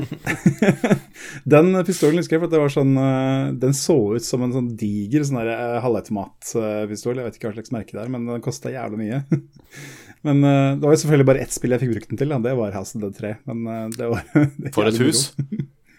Det var faktisk både et hus og en diger fabrikk og en lab. Og du aner ikke altså, hvor mye det var i det spillet. Så ja, Det var et kult spill, jeg veldig, men jeg er veldig glad i House of Dead-serien i det hele tatt. Jeg synes det er en veldig veldig kul serie. Så Beste er selvfølgelig toeren, som er uh, ikke alltid uh, Som er morsom, men ikke alltid med vilje. Det er vel lov å si. Apropos det å jukse med, med hardwaren. Det, altså det å peke lyspistolen til Duck Hunt på coveret av Duck Hunt. En av favorittingene mine å gjøre i SingStar var jo bare å putte mikrofonen rett opp til uh, høyttaleren. For da tok den og plukket opp Da plukket den opp lydnivået perfekt, så fikk du perfekte sanger hver eneste gang. Nei, er det sant? ja, Gikk det an? ja. Legendarisk bra. Ja. For den, den tok jo kun og fulgte ikke sant, Singstar var ikke komplisert. Den tok jo bare og sjekket om sånn, ok, er det riktig liksom sånn Jeg tror den sjekket Ja. hvilken tone du hadde, eller hvor høyt det var. Alt der. Så hvis du bare holdt den ved siden av høyttaleren, høyttaleren, så var det typ sånn Ja, dette høres riktig nok ut eh, i forhold til sangen min ser etter, så det, det, du får en pass. Ikke bare det, du kan jo skifte med en oktave, og den vil godta det. Så Ja, ja. du kan faktisk ta fuckere hvis du er flink, fuckere til ved å skifte oktave annenhver tone eller noe sånt. Ja, ja. Så det høres egentlig ut som du synger helt jævlig, og så er det likevel teknisk sett ja. Jeg husker jo med vår, eh, vår felles venn fra Spillegal, eh, Martin, uh, hvor uh, Der gikk det mye i Singstar når jeg hang med han. Og en ting fant var hvis du, hvis du growler som en sånn der Ja. metal, eller sånn svartmetall-growling, så funker det overraskende bra for Singstar, selv hvis det er mann. Fordi det er sånn du har ikke, har ikke høyt nok register til å ta de Til å faktisk synge som en ordentlig sanger. Men så lenge du bare skifter høyt nok opp og ned i den der lave grisen som er growling, så går det mye lettere. Ja. Det, eh, da må jeg bare nevne at jeg har spilt Singstar med Martin mange ganger, og um, eh, en gang vi spilte, så sang vi 'Survivor' av Destiny's Child. En sang som jeg er egentlig veldig glad i, og som jeg klarer å synge. Eh, jeg tapte så det sang fordi Martin, Martin, Martin growla hele sangen, og jeg klarte ikke å synge ordentlig. for Jeg bare eh, holdt på å le meg spent i hjel. Så det var en weird, uh, one weird trick for å vinne i Singstar. Riktig. Yes. Ja, men det, det var liksom det var, uh, PlayStation 2 var jo på en måte uh, arnestedet for uh, plastdritt uh, i nyere tid, føler jeg. Det var kickoff. Med Singstar Guitar Hero, ja. Ja. Eh, jeg husker jo eh, Guitar Hero eh, Det var også sånn gamer.no-gig hvor Er det noen som spiller Guitar Hero og anmelder det? Ingen svarte, så jeg bare sa jeg kan ta det, jeg. Så fikk jeg, fikk jeg tilsendt i posten da, diger pakke med spillcovere og en gitar. Så tenkte jeg at ja, kan jo prøve. Jeg har aldri vært noe god til å spille gitar. Jeg er ikke noe glad i rockemusikk spesielt, men jeg kan jo prøve. Jeg fant ut at det var dritartig. Så jeg har jo, har jo Guitar Hero 1, 2, 3 og World Tour, tror jeg. Mm. Og hadde inntil nylig komplett sett med instrumenter til uh, Guitar Hero Rock Band. Men uh, nå har jeg rydda i sommer, og da måtte det rett og slett til pers. Så jeg har kjørt det på dynga. Jeg lurer på om de her eh, komplette instrumentsettene kommer til å bli verdt noe eh, med tiden. Fordi de de er jo så store at folk ikke gidder ta vare på dem, men du, er jo avhengig av dem hvis du vil faktisk spille disse spillene. Og, sånn samlemessig, tenker jeg. Jeg vet ikke. altså jeg, jeg husker, altså Det er ikke så veldig mange år siden. altså Det var altså før 2020, da. Men eh, jeg så de hadde sånn clearing sale på DGN her. Da var det sånn fullt sett med instrumentpakke til 200 spenn per Rema 1000 eller hva det var. Ja, for de var jo ganske dyre når de kom. Ja, ja, de var jo opp mot sånn 2000. Altså sånn, eh, det var vel da liksom For du hadde Guitar Hero, og så hadde du Guitar Hero 2, og så ble det beef mellom Harmonix, utvikleren, og eh, Activision som utga spillene. Og da startet Activision med å lage spillene selv. De ga det Treyarch eller noe sånt nå, tror jeg. Lagde Guitar Hero 3 Jøss, ble de behandla dårlig av Activision, altså? Neversoft var det. Neversoft, Neversoft, var det. Neversoft, ja. Ja, ja, ja. Jeg tror kanskje Treyarch gjorde typ sånn DS-porten eller noe sånt Mm. Uh, og så Ja. lagde Harmonix Rock Band, og Rock Band hadde jo da liksom tenkte jeg sånn Ok, dere har plastgitarene, hva med plastresten? Uh, og dumpa på deg liksom mikrofoner og trommesett. Eh, og de trommesettene vet jeg jo var uh, Ja, og Guitar Hero kom med sin egen helt originale idé, Guitar Hero World Tour, året etter, som også hadde trommer og eh, mikrofon. Ja, ja, ja. Yes. Det var en fin tid, det. Nei, men det villeste var jo det at de, de solgte Jeg vet ikke om det var Harmonix som solgte det, men det, du, du fikk kjøpt sånn pro instruments til uh, Ja. rockband. Som var rockband ordentlige instrumenter. Ja, ikke sant? Med første keyboard som- og trommesett og alt Ja, der. det var Ja, ikke sant? Mm, stemmer, stemmer. Det var det spillet der jeg hoppa på Berlin også. Det var det første jeg kjøpte meg sjøl. Jeg kjøpte det keyboardet så du kunne spille, og de hadde jo Hva var det? Litt over to oktaver med keyboard? Mm, Ja, det- da har det begynt å dabbe av litt. Det Men det var det. sånn siste efforten. Mm, enig. Eh, Men uh, de hadde en egen Jeg husker jeg ble ekstra oppmerksom på det fordi de demoa med den klassiske plastgitaren, men de demoa også det spillet med at de brukte en ekte midi-gitar. Eh, Jeg husker ikke om det var en Gibson eller hva det var. Nice. Stratocaster-aktig. Mm. Og de hadde kobla det til spillet, så han kunne spille en promo der han rett og slett måtte tappe alle de riktige tonene på, på den gitaren for å følge med. Yes. Og da, da begynte jeg å måpe. Ja, Og syntes at dette var jævlig kult, og så kjøpte jeg piano i stedet. Det er jo Yes. De har jo sånn derre Hva er det eh, Hva for noe? En, uh, Alex Navarro fra Giant Bomb, som er en side Jeg vet i hvert fall to andre her i casten fulgte mye. Eh, Han uh, hadde jo delt del streams og sånne ting, men han spilte Hero med et ordentlig sånn elektronisk trommesett. Og det tror jeg hadde sånn der Jeg tror det var sånn modchip eller et eller annet han bare putta inn i det, som gjorde at det konverterte til uh, Guitar Hero. Hero Ja, det er det signaler. sånn, Det er en sånn Ion Drumhead-greie som du kan koble ting til. Ja. Som jeg tror er er Ja, ikke sant. Så der tror jeg også liksom sånn at Jeg vet ikke om sånn tromme, plasttrommesettene, for å svare på spørsmålet ditt, Erik, om de kommer til å være verdt så mye sånn nettopp fordi du kan erstatte det med bedre greier. Godt poeng. Og plastgitarene tror jeg fortsatt er der hvor du finner dem på loppemarkedet sånn for en hundrings. Jeg har ikke titta innom Finn, men jeg vet ikke om de helt henne ennå har fått liksom blitt sjeldne nok. Jeg har kvittet meg med mine, jeg òg, må innrømme. Jeg forventer liksom at det her er en ting som har en del sånne moddescener og Altså hardware-moddescener og sånt. da For Ja, sånn, ja, ja. Jeg husker jo allerede når Guitar var stort, så hadde du sånne ting som sånn Frets on Fire, som var Ja. en Guitar Hero Var sånn gratis Guitar Hero-variant, som var designet for at du skulle kunne bruke tastatur og holde det som en gitar. Og så er bruker du. F, F1 til F4 og 5-knappene, og eh, jeg tror det er space barn for å, spille, for å strømme, liksom. Ja. Jeg tror det er Clone Hero det heter. Det som er en som enkeltstående sånn PC som basically er en Guitar Hero rockband, hvor folk legger til custom-greier. Mm. Den tror jeg fortsatt Trombone Hero, da. Ja, Ja, Trombone, Trombone, så Champ. Trombone champ, ja. Nei, men um, en, ting, en ting som jeg vil eh, si om hele den derre musikkjuggel-greia der Ja, få høre, at, få høre. eh, Ja, nå skal du få høre. Legg det på meg. Altså jeg... Klapp igjen, da. det, det, altså jeg, jeg- som sagt, jeg har aldri vært noen gitarist eller noe. Jeg er aldri- jeg er ikke sånn veldig rock-fan heller, men eh, en ting som jeg alltid har likt med sånne spill, er det at eh, du kan liksom Altså, du kommer nært nok, da. Det føles nært nok, liksom. Altså, du føler jo som om du simulerer gitarspilling. Um, så det gir en god følelse i seg sjøl å stå med den der hersens gitaren og stå og klimpre. Og så um, En veldig viktig ting for meg i sånne spill er det at musikken er bra. Og det, jeg, jeg syns i hvert fall Harmonix var jo dritgod på det.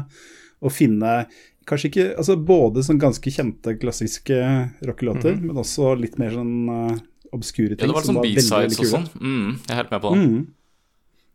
Så det er uh, Jeg husker jo et par legendariske fra Guitar Hero. Den um, Spanish Castle Magic med Jimmy Hendrix var dritfett. Ja, Ja. De hadde coverlåter Så- Det var bare i eneren, tror jeg, hvor de hadde coverlåter. Det Hovedsakelig. var vel flere, flere spill, men det, det, var sånn, det, det kom jo flere kjente artister med etter hvert som lisensierte musikken inn, men det var jo fortsatt en del uh, coverlåter, tror. Ja, men de hadde jo De hadde de, hadde de kjente versjonene, men de hadde ikke Hva heter det der um, Math Tracks. Så de måtte spille inn sjøl. Men jeg husker jo, jeg tror det var sånn fra toeren og utover at de hadde liksom At det var stort nok til at eh, liksom, Ja. man skjønte at sånn, ah, her, burde vi, her, er, her er det en fordel om vi slenger oss på, liksom.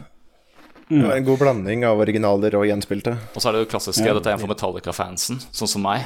Eh, men den klassiske En eller annen utgivelse av et eller annet Metallica-album hvor eh, liksom rips av spillet har blitt liksom den beste utgaven fordi de var så komprimert i hjel på, på ah, ja. sjappbutikk.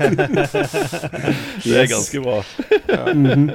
Men apropos det, vi skylder jo, vi skylder, altså, vi skylder jo også eh, Guitar Hero og rockband og alt det der. Uh, veldig mye av mashup-sjangeren. eh, bare for å ta en liten digresjon her. Fordi hele det der prosjektet han Neil Cicerega, det der eh, Mouth Sounds og alt det der, er jo basert på lydfiler han rippa fra, fra Guitar Hero. eh, og rockband og sånt. Fordi det er typ sånn her, nå, nå kan jeg isolere liksom kun gitarsporet eh, Ja, ja, og vokalene Ja. og alt det. Så alt er bygd for det der. da Og for å komme inn på for å fortsette det temaet, men også da tilbake til peripherals Uh, Harmonix lagde jo et spill som het Dropmix. Som var Ja, okay. et, uh, var et mash-up-videospill hvor Ja. du spilte med kort. Hvor liksom hvert kort representerte en sang. Uh, og så hadde du et, Du hadde sånn matte du måtte legge ut, og så tror jeg du skulle koble inn smarttelefonen din. Jeg tror den brukte kamera til smarttelefonen. Og så så den liksom sånn hvilke kort ligger på hvilke felter. Og så er det sånn type sånn Ok, nå vil jeg liksom putte inn Nå vil jeg putte inn liksom uh, basslinjen fra denne låten her. Ja, da du Og nå vil jeg putte inn vokalene liksom. fra den Ja, samples på kort, liksom. Eller sånn, hvert kort representerte en sang, ikke sant. Og så kunne du putte på hvert av feltene, og så var det, Ja, sånn, uh, var det en annen sang, da. Og så var det liksom konkurranse bare å lage den mest eh, interessante mashupen. Og jeg, jeg tror det floppa ganske hardt, men det var en jævla kul idé. Men veldig mye av på en måte grunnkonseptet og, og på en måte lydmiksingen og alt det grunnarbeidet endte jo opp å bli det der Fuser, som jeg tror jeg kanskje har pratet om uh, på podkasten her tidligere, som bare er PC-spill, sånn mash-up, DJ-type spill. Hvordan gikk det med det? Det høres ut som du spilte hiphop-EJ med rock samples. Ikke sant? Men uh, jeg, tror det, jeg tror det gikk OK. Sånn, jeg tror de sunsetter det nå, men nå har det i hvert fall vært eh, live i sånn fire år, tror jeg. Ja. Ja, det er jo noe. Jeg husker jeg, før vi går videre fra mm, musikkspillene, jeg hadde en eh, jeg hadde en roomie som fikk forbud av en annen roomie om uh, å spille rockband På spille på rockband-trommene sine. Det var, nå, nå går det faktisk ikke mer. Nå må du, du gjøre dette når jeg ikke er hjemme. Hvis du skal sitte her og hamre Ja, og så vil jeg jo nevne DJ Hero kjapt også. Yes, Ja. DJ Hero. Ja. Det fikk jeg aldri spilt, og det så så sykt kult ut. Ja, altså DJ Hero uh, mikseplata, den gikk også på dynga i sommer, altså. Men uh, jeg hadde begge spillene på PlayStation. Det, altså, det, altså, jeg syns jo kanskje at spillet ikke var det helt store, hvis jeg skal være helt ærlig, men bare det å høre på musikken var så jævla fett. jeg ble drevet dreven i, i begge. Same. Hadde de på 360. Eh, ja, altså no, De mashupsa så har vært det bare for det. Jeg syns det var legit ganske fett, ja, på, på høyere vanskelighetsgrader også, liksom, når du virkelig kom inn i det. Men uh, ja, det var jo en Ja. grunn til at det ikke blåste like mye opp som uh, gitar. Nei, nei. Mm. Det var vel etter eh, det var på godt vei ned òg, var det ikke? Ja, altså, Det. Det var vel helt på tampen, i hvert Det var også veldig teknisk, tror jeg. Så. Ja, altså, og så er det liksom ikke like direkte. Altså, du kan si at klipper på gitar er veldig lett å overføre til eh, den virkelige analogen, men altså det å Altså, du hadde en sånn Den platekontrollen var liksom du, det var, du kunne ikke snurre plata helt rundt, f.eks. Det var liksom, det var bare sånn viss liten greie du kunne scratche frem og tilbake. Og så, måtte, og så var det, hadde de lagt på knapper på plata som du måtte trykke ned og sånn. Og det var liksom Det var ikke like umiddelbart, da. Så jeg følte ikke det var helt den samme suksessen. Men igjen, altså, soundtracket i de spillene er legendarisk. Det er bare å sjekke på YouTube. Det er dritbra. Jeg har det liggende i dropboxen et eller annet sted og snurrer det i ny og ne, så Ja, ja. Yes. Nei, men um... Men litt innenfor Ja. uh, Litt innenfor uh, for dette jeg, Den opplevelsen sånn der DJ Hero og, og alt det fikk meg til å tenke på sånn derre uh, Sånne rytmespill som heter Nå må jeg bare google hva det heter igjen. Jeg skrev det ned i sånn skjema. Jo, Sound Voltex. Som er sånn type Det Unnskyld meg, hva sa du nå? Ja, Sound, sound Voltex. Sound Det er- Det er et jævlig ord. Ja, ja, ja, ja, ja. Ja. Hva er det du Og, sitter og sier? Faen. Og, vel, så eh, det blir bedre, skjønner du, fordi uh, mitt, mitt kjennskap til det går gjennom en, eh, en viss uh, Polygon-ansatt. eh, som, eh, heter Nick, som heter Nick Robinson.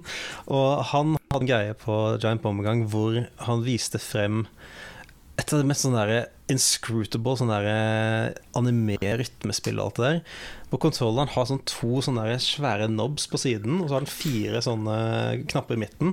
Så det er en kombinasjon av sånne der, Altså, det ser ut som en kombinasjon Altså, det er noe av det jævligste jeg har sett. Det er en kombinasjon av det, ja, av DDR og uh, Og uh, Hva er det det heter, det harmonic-spillet? Den derre uh, hvor, du, hvor, hvor, hvor du må fly langs en sånn stripe. Guitar Hero. Ja. Nei, nei, nei. eh, altså, det er jo den kombinasjonen av best alle rytmespill. da Og jeg fikk faktisk eh, sjansen til å putte hendene mine på en av disse greiene en gang under en messe, uh, sånn spillmesse. Og det er bare virkelig helt sånn noe av de mest uforståelige greiene jeg har eh, vært borti. Det ser Eh, ikke og det- ut i det hele tatt. Det Nei, Helt crazy. jeg kan, kan avsløre at de hadde de, de automatene der hadde de på Arcade Club i, utenfor Manchester. Jeg skjønte virkelig ikke en dritt av det. Ja, ja. ja. Eh, men det, det jeg syns er fascinerende, er liksom at det her er tydeligvis eh, slått an nok til at folk Det er faktisk eh, Man får kjøpt kontrollere som er- etterligner disse arkademaskinene her. Og de er virkelig sånn jeg så på det og tenkte at det her virker ikke så vanskelig. Det er to knotter, og så er det fire knapper, liksom. Og så bare, bare eksploderer skjermen med bare så jævla mye skitt. Du er nødt til å multitaske på en gang. Så ja, det er bare en, en shout-out til et av de mest sånn uh, ugjennomtrengelige rytmespillene jeg har vært borti.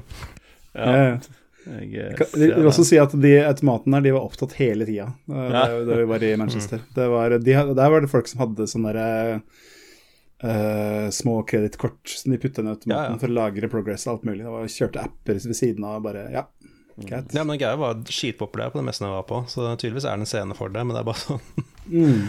ja. Jeg følte det var nevneverdig. Absolutt, absolutt. Det er kanskje ikke noe så mange kjenner til.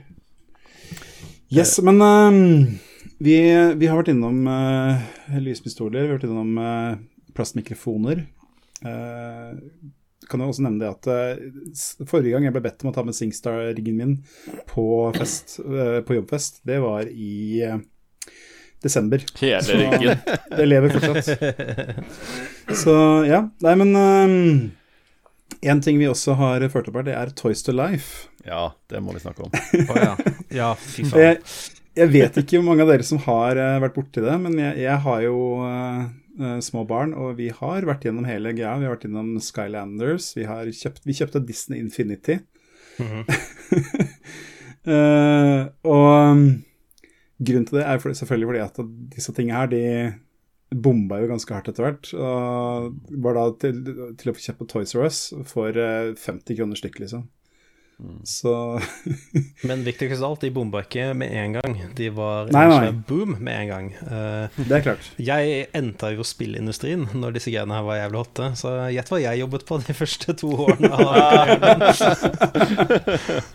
Hvilket uh, Ah. spill da? Var det? Nei, ingen av de. Alle de, flopp, altså, alle de kom ikke ut døren Ah, ja. engang. Eh, men det var Ah, veldig mye prat om. Toys Alive og, og sånne ting Ja. som det er, da. Men uh, ja, det, det var en flash in altså, fy søren. Jeg, eh, jeg, var, eh, jeg var, fikk skikkelig dilla på det Lego Dimensions en periode. Uh, og det, jeg hadde flaks. Jeg gjorde det akkurat når det holdt på å bombe, og det alt kostet 50 kroner på Toys R Us. Så jeg kjøpte jo de, de tingene som egentlig kostet 400-500 kroner. Fordi noen av de pakkene var ganske dyre. Men det som var kult med det, da, var jo at uh, de tok inn masse sånne um, IP-er som ikke Lego har jobbet med ellers noen gang. De hadde sånn egen Portal-level og Ja, Simpsons-level det. og Ja, ja. Back to the Future-level og sånne ting, som var veldig sånn fanservice. Uh, veldig Og ganske bra laget. Uh, så for en som er litt sånn glad i Lego som meg, så var det ganske kos, egentlig. Mm.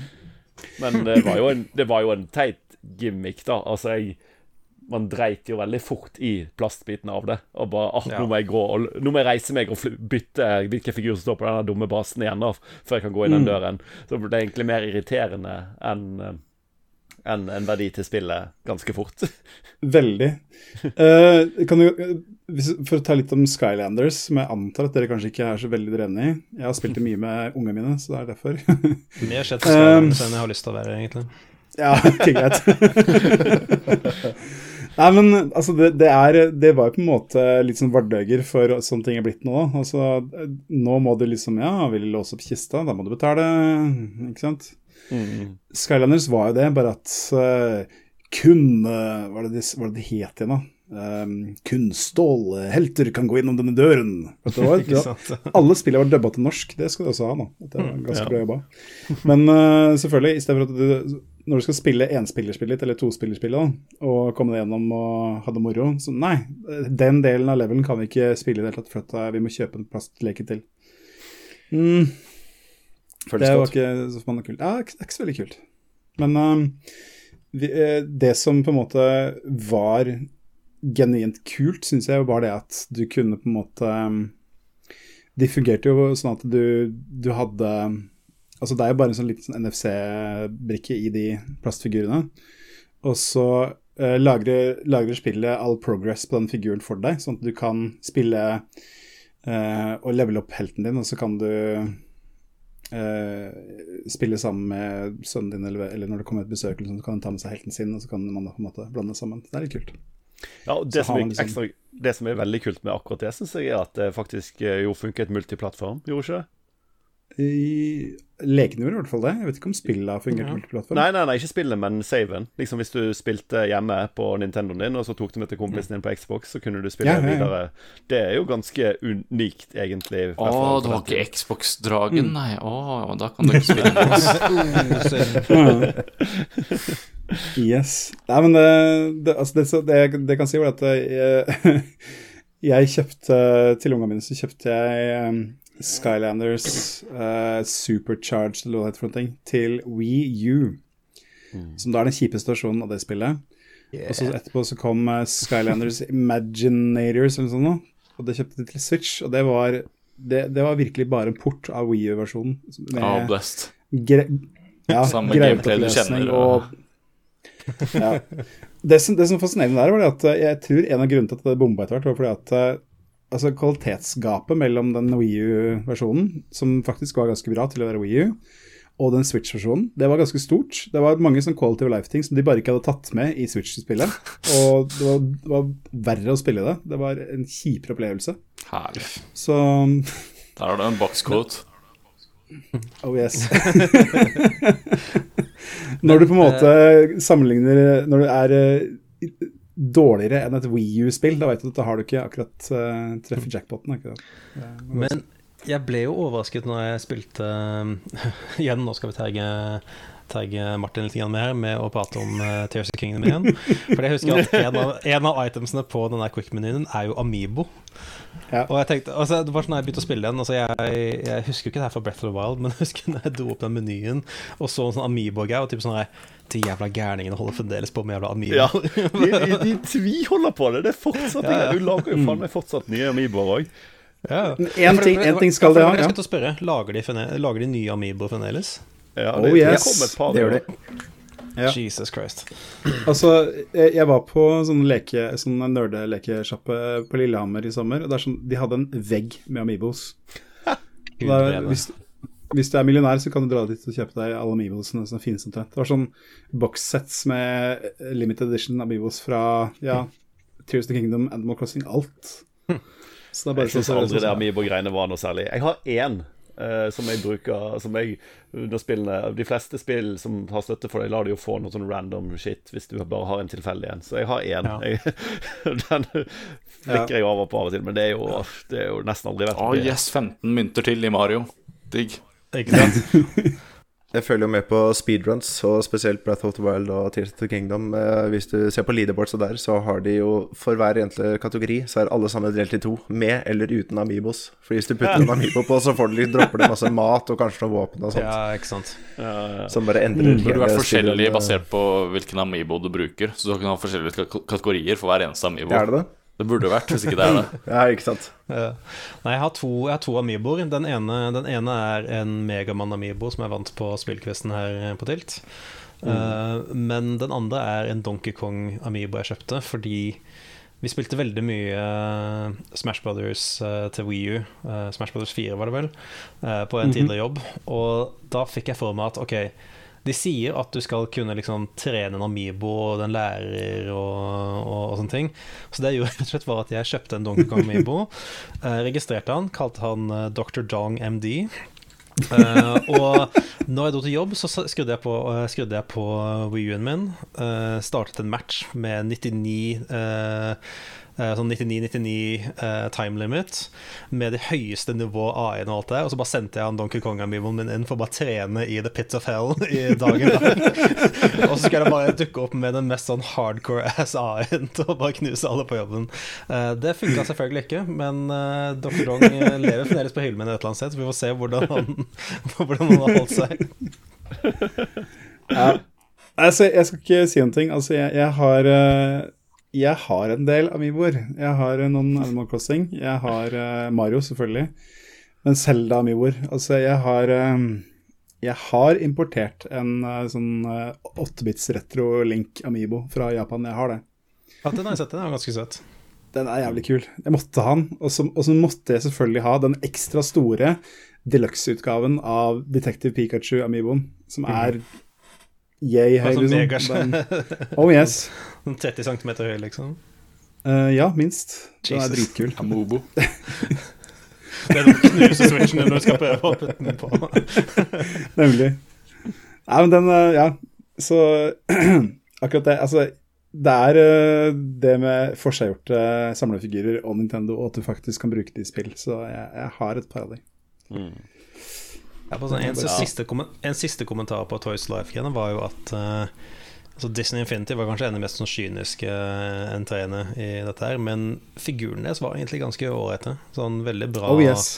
veldig bra stilisert, veldig Sånn kvaliteten på liksom modellene, på sk- skulpturene og uh, castingen og alt det var egentlig skikkelig bra. Mm. Uh, bare synd at det var Disney, da. Ja, ikke sant. Ja, altså, vi, vi har selvfølgelig Disney Infinity òg. Jeg husker ikke hvilke figurer vi har til Disney Infinity, men det var sånn, også sånn der Toys R Us billig, billig kassekjøp. Men ja, det er det som sier også, det er er mange forskjellige, forskjellige stiler på alle de karakterene, men de, de kjørte liksom i en sånn felles, eh, veldig sånn uh, strømlinjeforma stil til spillet, og det passer veldig Ja. Så, men altså, ja, det spillet er noe hakk verre enn Skylander sin. Altså, der er det mye, Yeah. mye, mye, mye PG-ting, altså.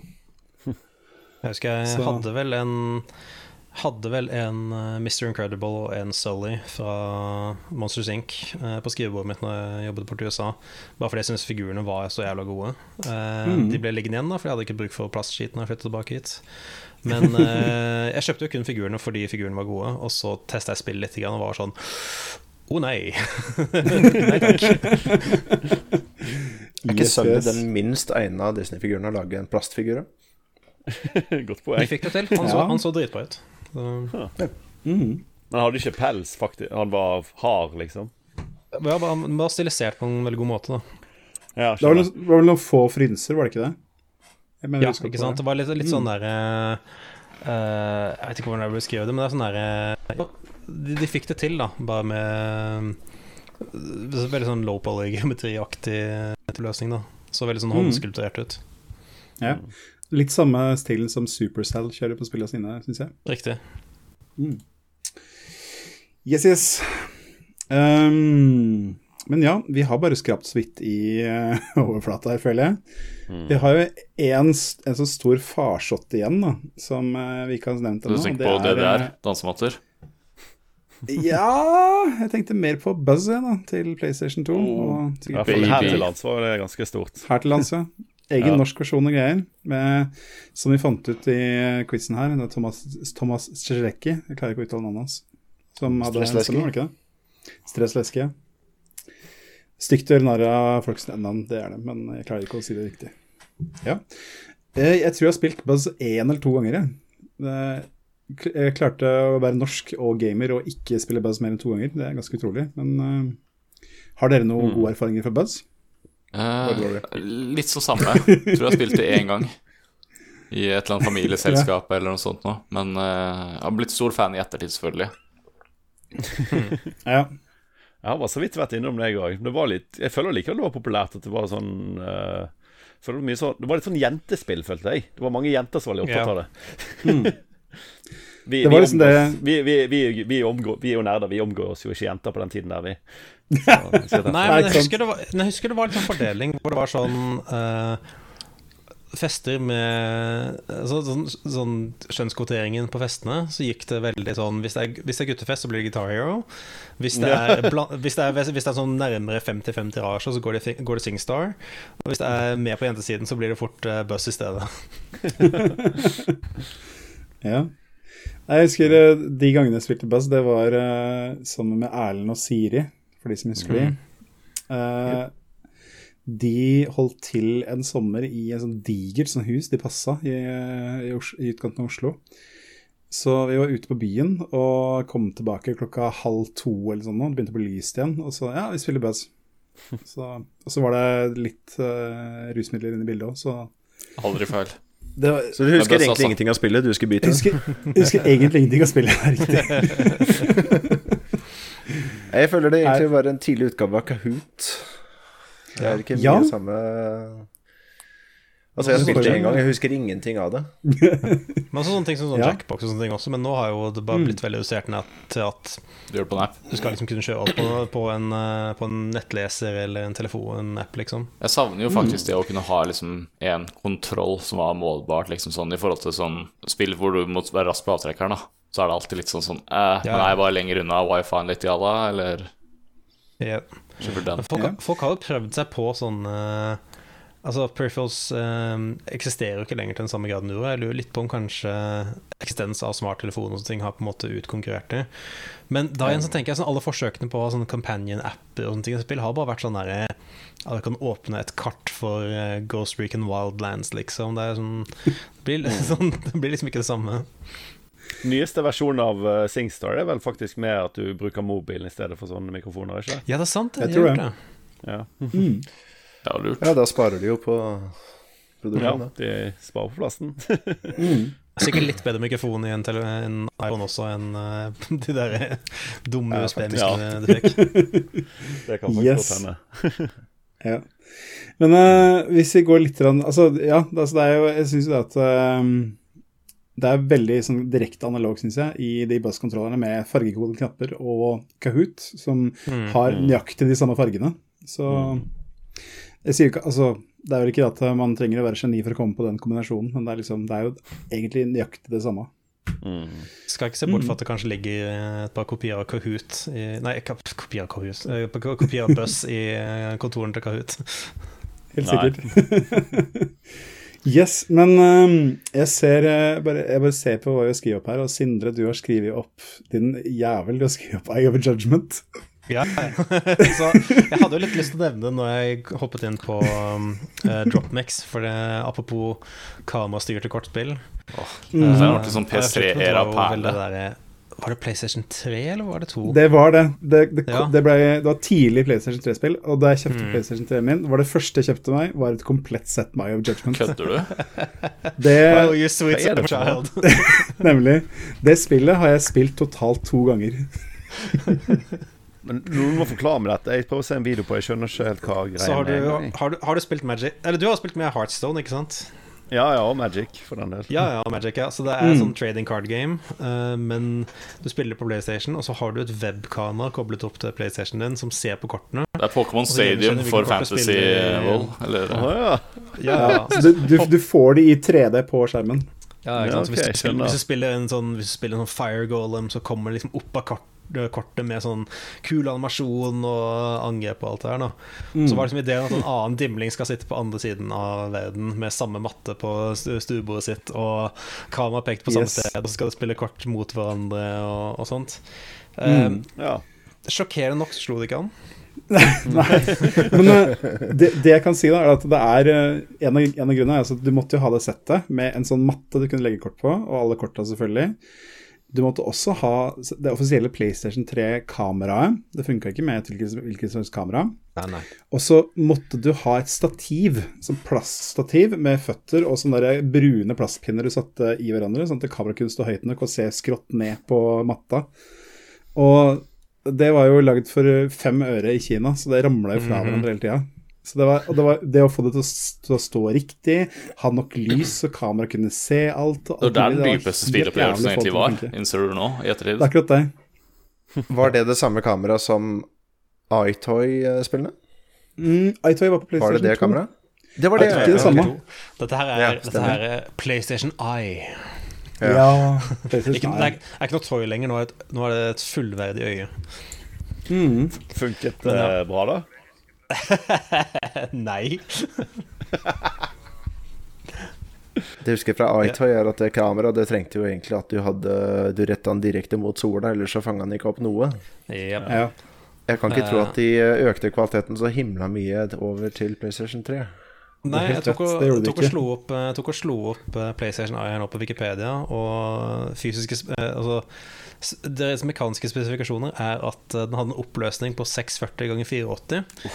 Så lykke til med å gjøre Ja, så lykke til med å gjøre Lykke til med å gjøre sånn avansert machine vision Bildegjenkjennelse bildegjenkjennelse i en, den jevne, dette jevne, dunkle pumperom, liksom, eh, med den oppløsningen. Ja. Jeg ser, jeg ser en video som en som driver med Eye Judgment nå. Han har satt opp et sånn svær jævla sånn arbeidslampe sånn, sånn, sånn Ja, ja. over har for å peke det ned på. Jepp.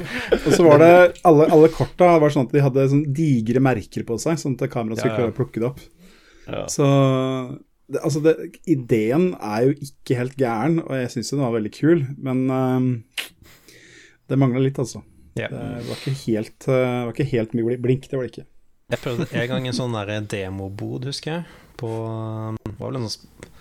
Hva var det? De hadde jo var vel i det der Moscone, uh, Moscone Center uh, borte i San Francisco, så hadde jo en egen PlayStation på en måte butikk som var ganske sånn kjent. Uh, hvor det var sånn demo-stands og alt det. Og der hadde de en IF Judgment-greie som jeg prøvde.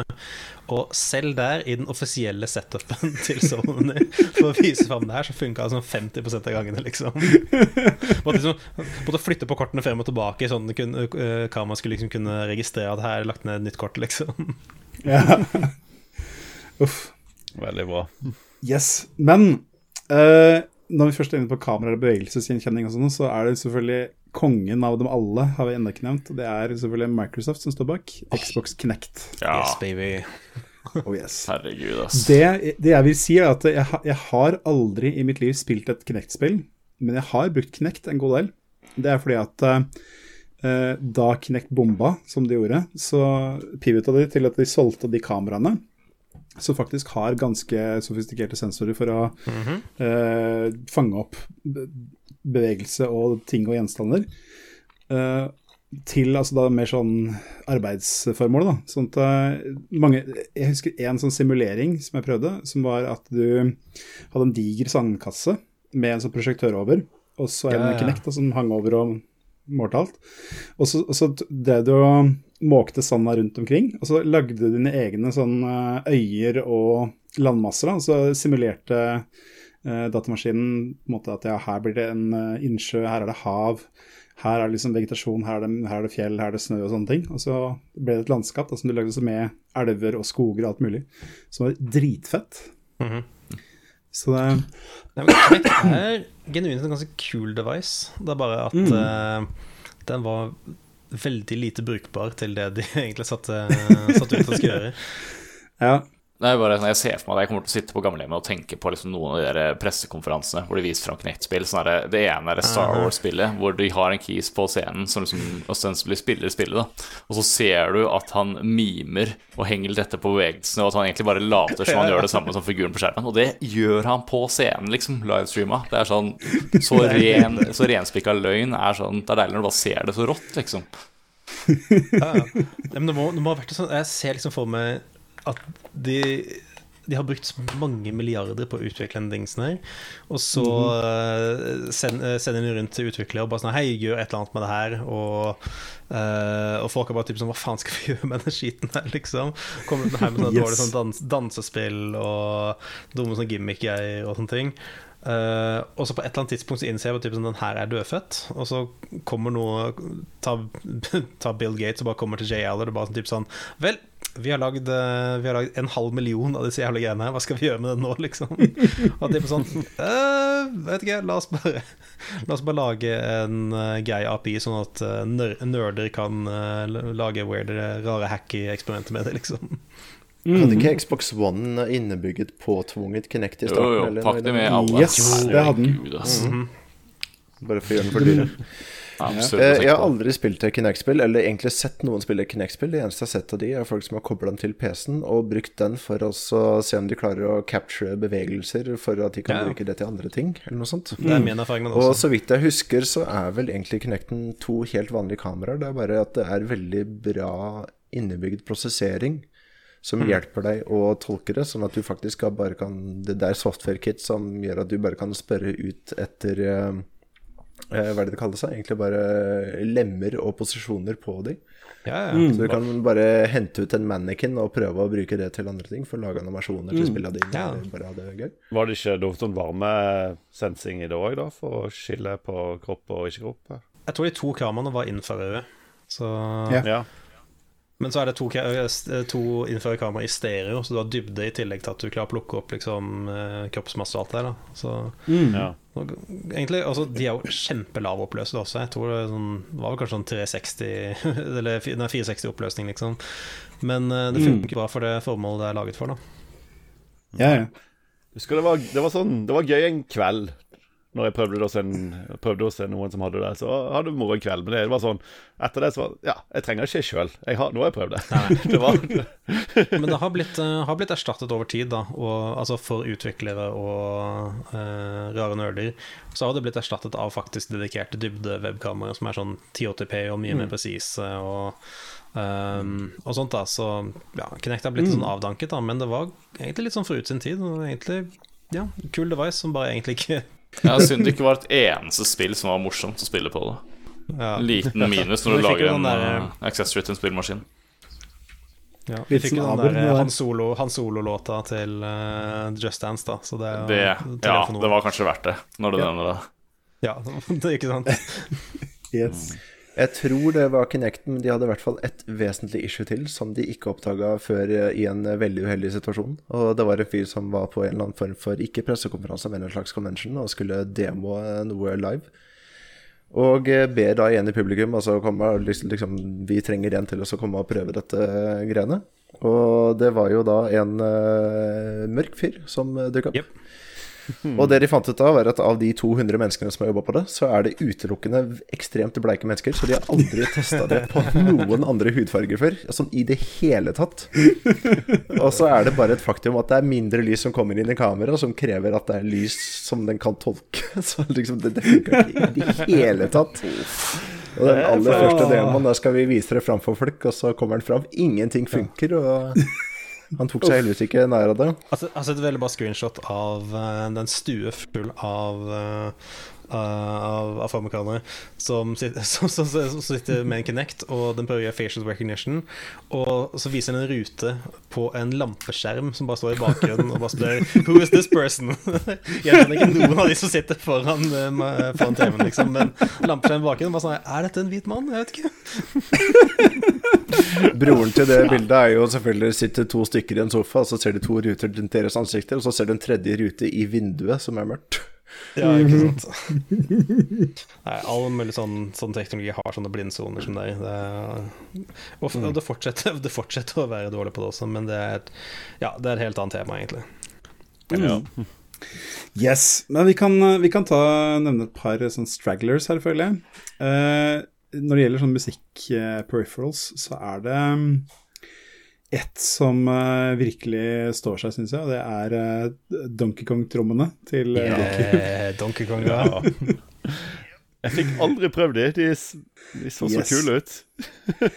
det er det, altså det, Du har skrevet det, Thomas, men det jeg har spilt mest, det er DK Jungle Beat, som er et mhm. plattformspill. Du spiller bare med trommene. Hvor du må slå på trommene for å få Donkey Kong til å løpe og hoppe og klappe med hendene og slå i bakken og sånne ting. Det er man skulle ah, tro at med så begrensa input-sett så lar det seg ikke gjøre å lage et ordentlig gode plattformspill. Men uh, Nintendo det. bare sa 'challenge accepted'. Og, og nå er alle plattformspill vi spiller, trommebaserte. Så det er liksom, nei, nei. sånn er det. Noen bare har ideen. Men ikke bare brettene. Det, har, det er én ting som jeg husker den dag i dag som jeg syns var så effektivt, og det er eh, etter du er ferdig med en bossfight så mhm. avslutter du med at Donkey Kong eh, rett og slett bare hopper på trynet på den, og da skal du bare hamre det du har på de trommene. Og bare en kombinasjon av hvordan de bruker kamera og lyd og grafikk, gjør at det føles så utrolig givende å bare hamre alt du har, til svetten siler. For altså bare sånn en slags finishing move på den bossen der. Hmm. Mm. At etter du har stanga veggen mot en Dark Souls-boss, så endelig klarer du den. Den, der, den opplevelsen bare ved at du kan slite deg ut. det, det, er bra sånn der hvis du, hvis du har litt aggresjon, sinna på jobb eller noen andre eller sånn. Bare for å delge løs på en boss fysisk. Mm. Oh yes. Men, eh, men apropos det, er det noen her som har Er det noen her som har prøvd å spille Dark Souls med Donkey Kong-dommene, da? det er en ting jeg også har skrevet opp der. Jeg har ikke det. Men uh, det er jo en eller annen person, eller kanskje flere, som har gjort det til en greie at den skal runde Dark Souls med alt mulig der. Så jeg har sett det med Guitar Hero-kontrollen og med Donkey Kong-trommene, mm. som har eh, Hva er det Hvor mye input har du der? Du har høyre venstre tromme, du har begge samtidig, og et klapp, så du har fire. Ja. Fire knapper i praksis. Mm. Men for ja, noen knapper. Det er... Uh da, nå må vi ha noen som klarer å runde Dark Souls med Kinect. De er nødt til å gjøre ja, all, ja, all, dodge-rollingen eh, selv. fysisk absolutt alle bevegelsene. Jeg føler det er uh, tearing-testen til uh, sånne peripherals. Er det noen som har runda Dark Souls med den, eller ikke?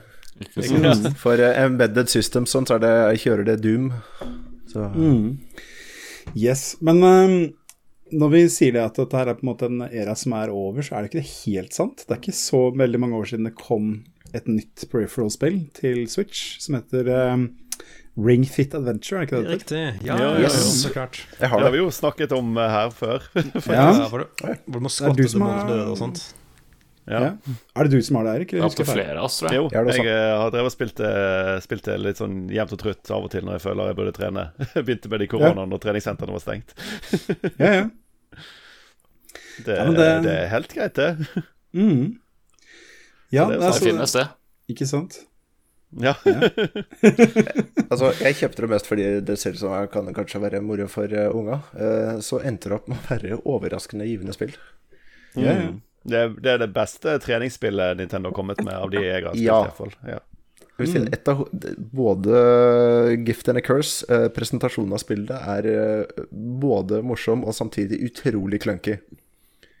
For det er jo lagt opp til at du, du er en sånn der en figur som løper gjennom en bane og skal slåss monstre, og det er liksom RPG-elementer, og du leveler opp, og det er ikke måte på. Men samtidig så er det så utrolig klønete skrevet, og tid, tidvis jalla, tidvis genialt. Det er eh, det er en liten berg-og-dal-bane av følelser. Men selve den ringen er vel egentlig genistreken i det hele. Jeg var veldig i tvil, for jeg trodde at uh, ja, dette ungene, ungene kan holde på med det. Jeg kommer sikkert til å bare klemme den uten at det egentlig får noen utfordring. Nei da, den, den kan gjøre deg sliten. Det skal jeg love deg.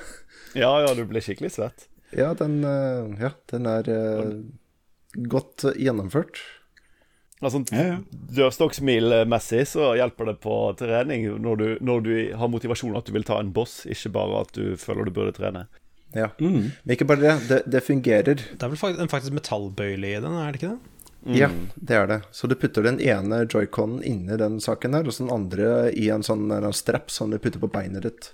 Så da kan få med seg at du jogger, og hvor hardt du jogger og fort og sånt, i tillegg til alle bevegelsene du gjør med den eh, ringen. Det som overraska meg mest positivt, er at eh, det bare funka. Alle øvelsene de gjør, alle bevegelsene de gjør med den ringen, det bare fungerer. Det er ingen sånn der wonky greier de må prøve på nytt bare for å få den til å trigge. Og det har vi opplevd i alle de der andre, altså i hvert fall Connect og iToy og sånt, at noen ganger så må du liksom veive hånda tre-fire ganger før den endelig registrerer at du har gjort det. Og det issue var faktisk ikke i uh, Ring Fed Adventure, så all kudos til de som lagde det. Ja. Det, det jeg tenkte er at jeg har jo egentlig vært inne på tanken å kjøpe en sånn en, og så har jeg bare lagt det fra meg for at jeg har eh, VR-headset, og Ja. det er på en måte min peripheral nå. Da. At, eh, altså, det har vel Ja. litt å si at jeg kanskje ikke er i så veldig godt god form heller, men å spille Beat Saber, det er en god workout, ass. Ja, det Du må Det faktisk på. flytte på deg, og, eh, og du veiver med armene. Det, det blir jo en dans av det òg, ikke sant. Du må flytte på kroppen da.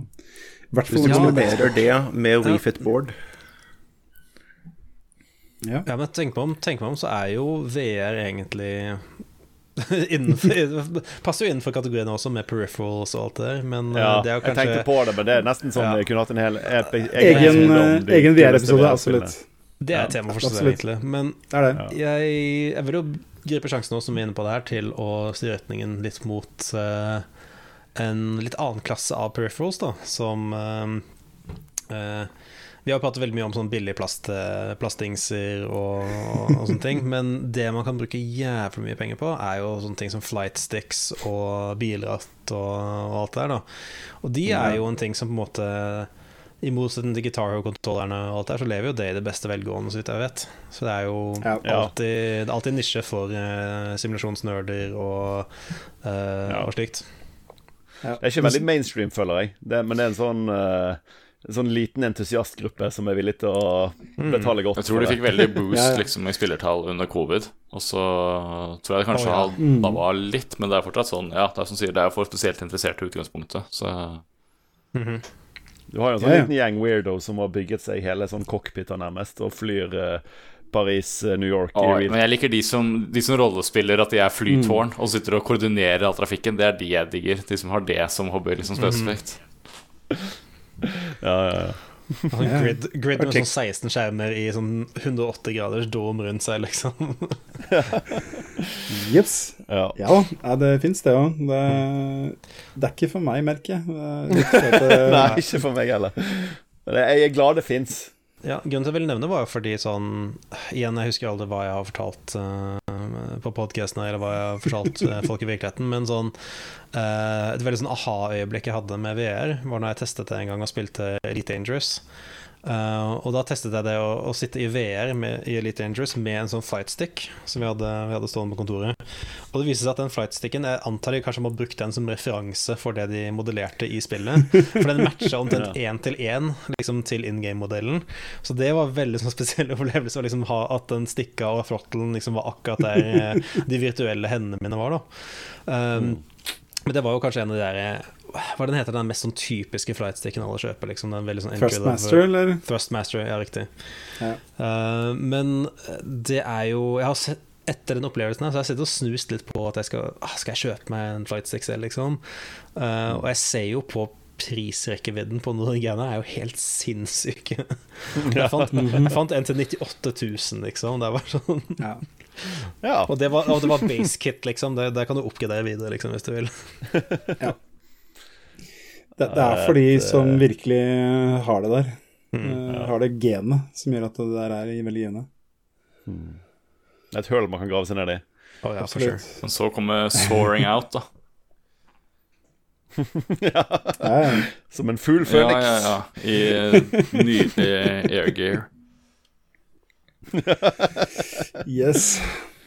Ja. Ja, Nei, men eh, det er vel, eh, vi er vel litt der. Altså, det er, eh, altså, jeg tror vel at en av grunnene til at VR ikke har tatt helt uh, ordentlig av, som man på en måte håpte, er vel fordi at folk forbinder kanskje litt med tidligere peripheral-bølger. At man tenker at dette er snart over. Vi ser vel, nå er det vel ikke Det er vel ikke kommet noe tall på PlayStation VR 2, har det det? Nei, de tror jeg de holder tett til brystet.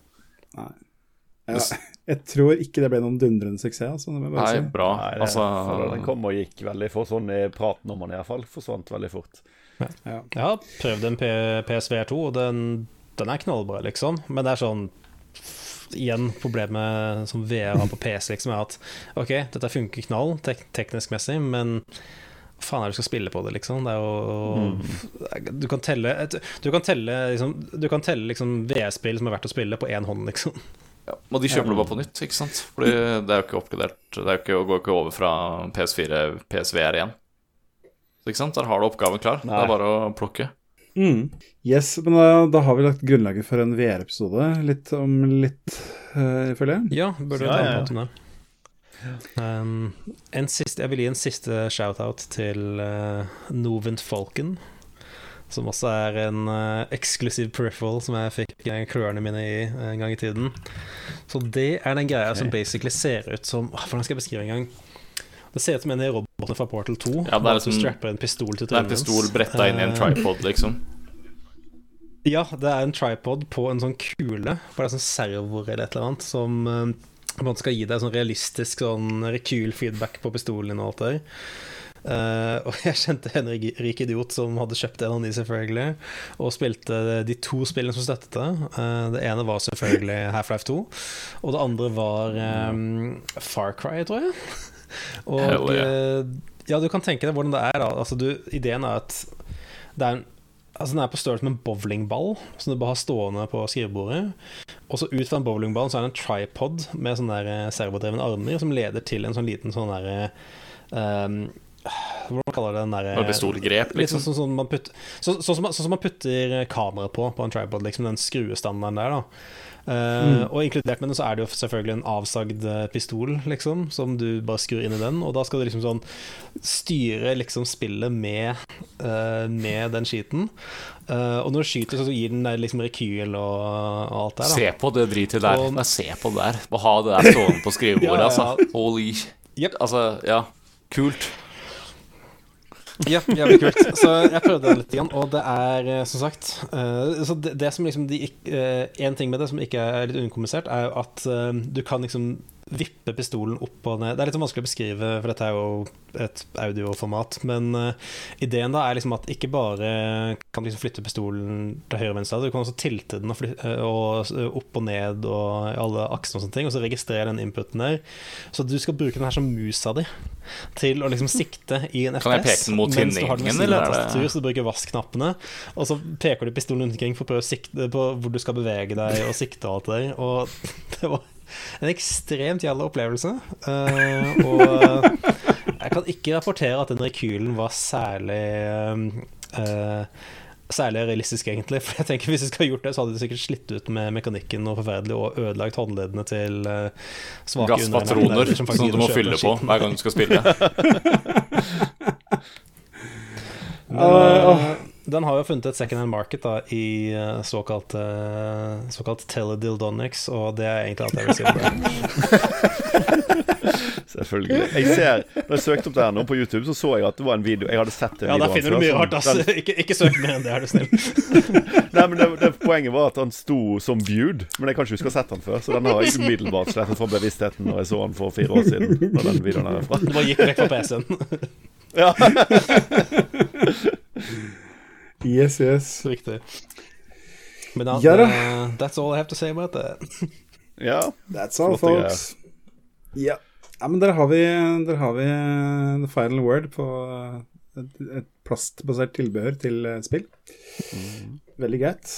Yes. Skal vi runde av med en liten jazzing, eller er det stemning for det nå? Ja, jeg må, ja, jeg, må ta, jeg må, ta, min, for den har stått på listen min så lenge nå. Jeg må bli kvitt den før jeg Ja, nå må, nå må vi føre. Kjør på. ja. Fordi eh, vel, Jeg har iallfall hatt et borettslag helt til nylig som har sånn tvungen eh, kabel-TV, som er irriterende å betale for. Yay. Og det er sikkert andre som har òg. Men jeg fant en kul, en kul, ting med å ha det da, når du først betaler 500 i måneden, eller hva det er for det skiten. Så mange av de kabel-TV folka, eh, i hvert fall den jeg hadde, eh, Telia, eh, var, inkluderer også sånne streamingtjenester. Du kan velge sjøl poeng. Fordelen med det, kontra vanlig å bare betale for streamingtjeneste, er at du kan bytte så ofte du vil. Uh. Så jeg kan, jeg kan, gå på Just Watch og se filmen jeg vil se, og så kan jeg sjekke ja, den er på Netflix. Da bytter jeg til det. Og så i morgen skal jeg se noe annet. Det er på HBO, du kan bytte til det. Kan du hoppe fram og tilbake så ofte du vil. Så det er jo sånn måte å lure systemet uten ja. å måtte kjøpe Stick flere. To the man. Ja. Oh, yeah. Så hvis man er en dust som fortsatt har kabel-TV, enten frivillig eller tvungen, så kan man uh, trikse til streamingtjenester litt sånn. Mm. Veldig nice. Veldig nice hvor legalt det er. Så er jeg Ingen kommentar. det var ingen som stoppet meg, så jeg regner med Så gjør det på eget ansvar. Kjell hadde ja. kommet med pekefingeren. Og jeg, jeg tipsa noen andre om det, som testa det på Telenor òg, og der har funket det. Så det Kjør på. Hvis du ikke har lyst til å ha, betale for alle streamingtjenestene, så kan du lure deg. Ja. Jeg vil bare huske det visdomsordet som ble nevnt her eh, for en lang tid siden. Eh, alt annet er enten lov eller ulovlig. Så ja. vi har den i bakhuet. Ja, veldig bra. Hvis det, hvis det er ulovlig, så, så blir du sikkert stopp, får du sikkert beskjed om det. Nei, det høres jo above board ut da når du uansett betaler for uh, kabel-TV-en. Ja, jeg tenker det er de som har drept seg ut, som gjør det mulig. Hvis det mm. ikke er innafor. Yes. Ja, jeg kan ta en veldig, sånn, veldig kort uh, liten greie her. og Det er det at uh, fordi jeg leser uh, ting om teknologi og sånn på mobilen, så får jeg be å stadig vekk tipse om IT-avisen sine artikler. Og skal ikke nevne noen navn, men det er alltid den samme personen som skriver det. Det er selvfølgelig en mann, det trenger ikke late som det er noen damer som skriver sånne ting. Litt sånn sjåvinistisk, bare sånn på tampen der. Men nei, det, men han som skriver for IT-avisen eh, Altså, hvis det går an å altså, For det første, mye av det er bare sånn eh, maskinoversatt fra, fra, engelsk, selvfølgelig. Men så er det noen ting som det er åpenbart at han skriver sjøl også, og det er så vanvittig dårlig skrevet. Det er liksom dårlig grammatikk, masse feilskrivinger, feil ordvalg. Det er sånn at det går an, altså. Så IT-avisen, eh, les sida med adblock, sånn at du, ikke får annonsepenger for det. Gjør det. Er han en, er han en sånn type journalist som har sånn 800 publiserte artikler de siste to månedene, liksom? Ja, minst, tror jeg. Det Ja, for jeg setter på eh, av de dukker opp eh, nå i AI-ens eh, tidsalder. Det er jo mhm. passende at IT-avisene tidlig er på med å bruke AI og drit. bruke AI for å skrive artikler. Gøy er det at jeg har hørt eh, flere som nevnte navnet til den journalisten før, og jeg tror han er litt notorisk, så mm. Ja. Nei, det er IT-avisen. Skjerp dere. Ja. Tech-journalismens dark side Phil. Yes. Eh, jeg har forstått også en anti-anbefaling, eh, basert på en erfaring jeg hadde nå i dag, faktisk. Hvor eh, jeg bestilte en pakke fra en nettbutikk som jeg handlet på tidligere. Ting har gått fint der, men nå har de gått over til å kun bruke PostNord.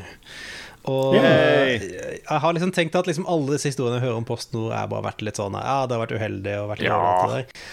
Vel, vel, kjære lyttere. Uh, denne bestillingen her sendte jeg inn den 8. april tidligere i år. Uh, så den pakken har gått i sirkel på lagerhuset deres i flere måneder nå.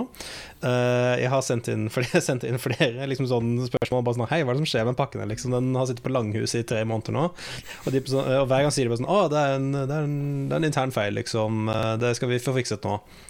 Det blir aldri fikset, baby. Uh, inn, og lenge, lang nok tid har gått at de sendte den tilbake til nettbutikken og sa at nei, her er, her er det noe dette, dette går ikke an, vi må sende den tilbake.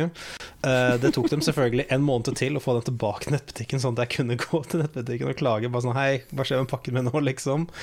Uh, jeg fikk for så vidt samme dama på supporttelefonen hver gang, og hun bare var sånn Å, herregud, er det deg igjen, liksom? Det er ganske Og- tilfredsstillende, da. Ja, eh, så til slutt da så klarte de å sende pakken av sted til meg, men gjett hva de gjorde? De sendte den til den gamle adressen min. Så da måtte jeg taske, måtte jeg taske helt tilbake til gamle adressen min, til postkontoret der oppe, og, og hente den pakken.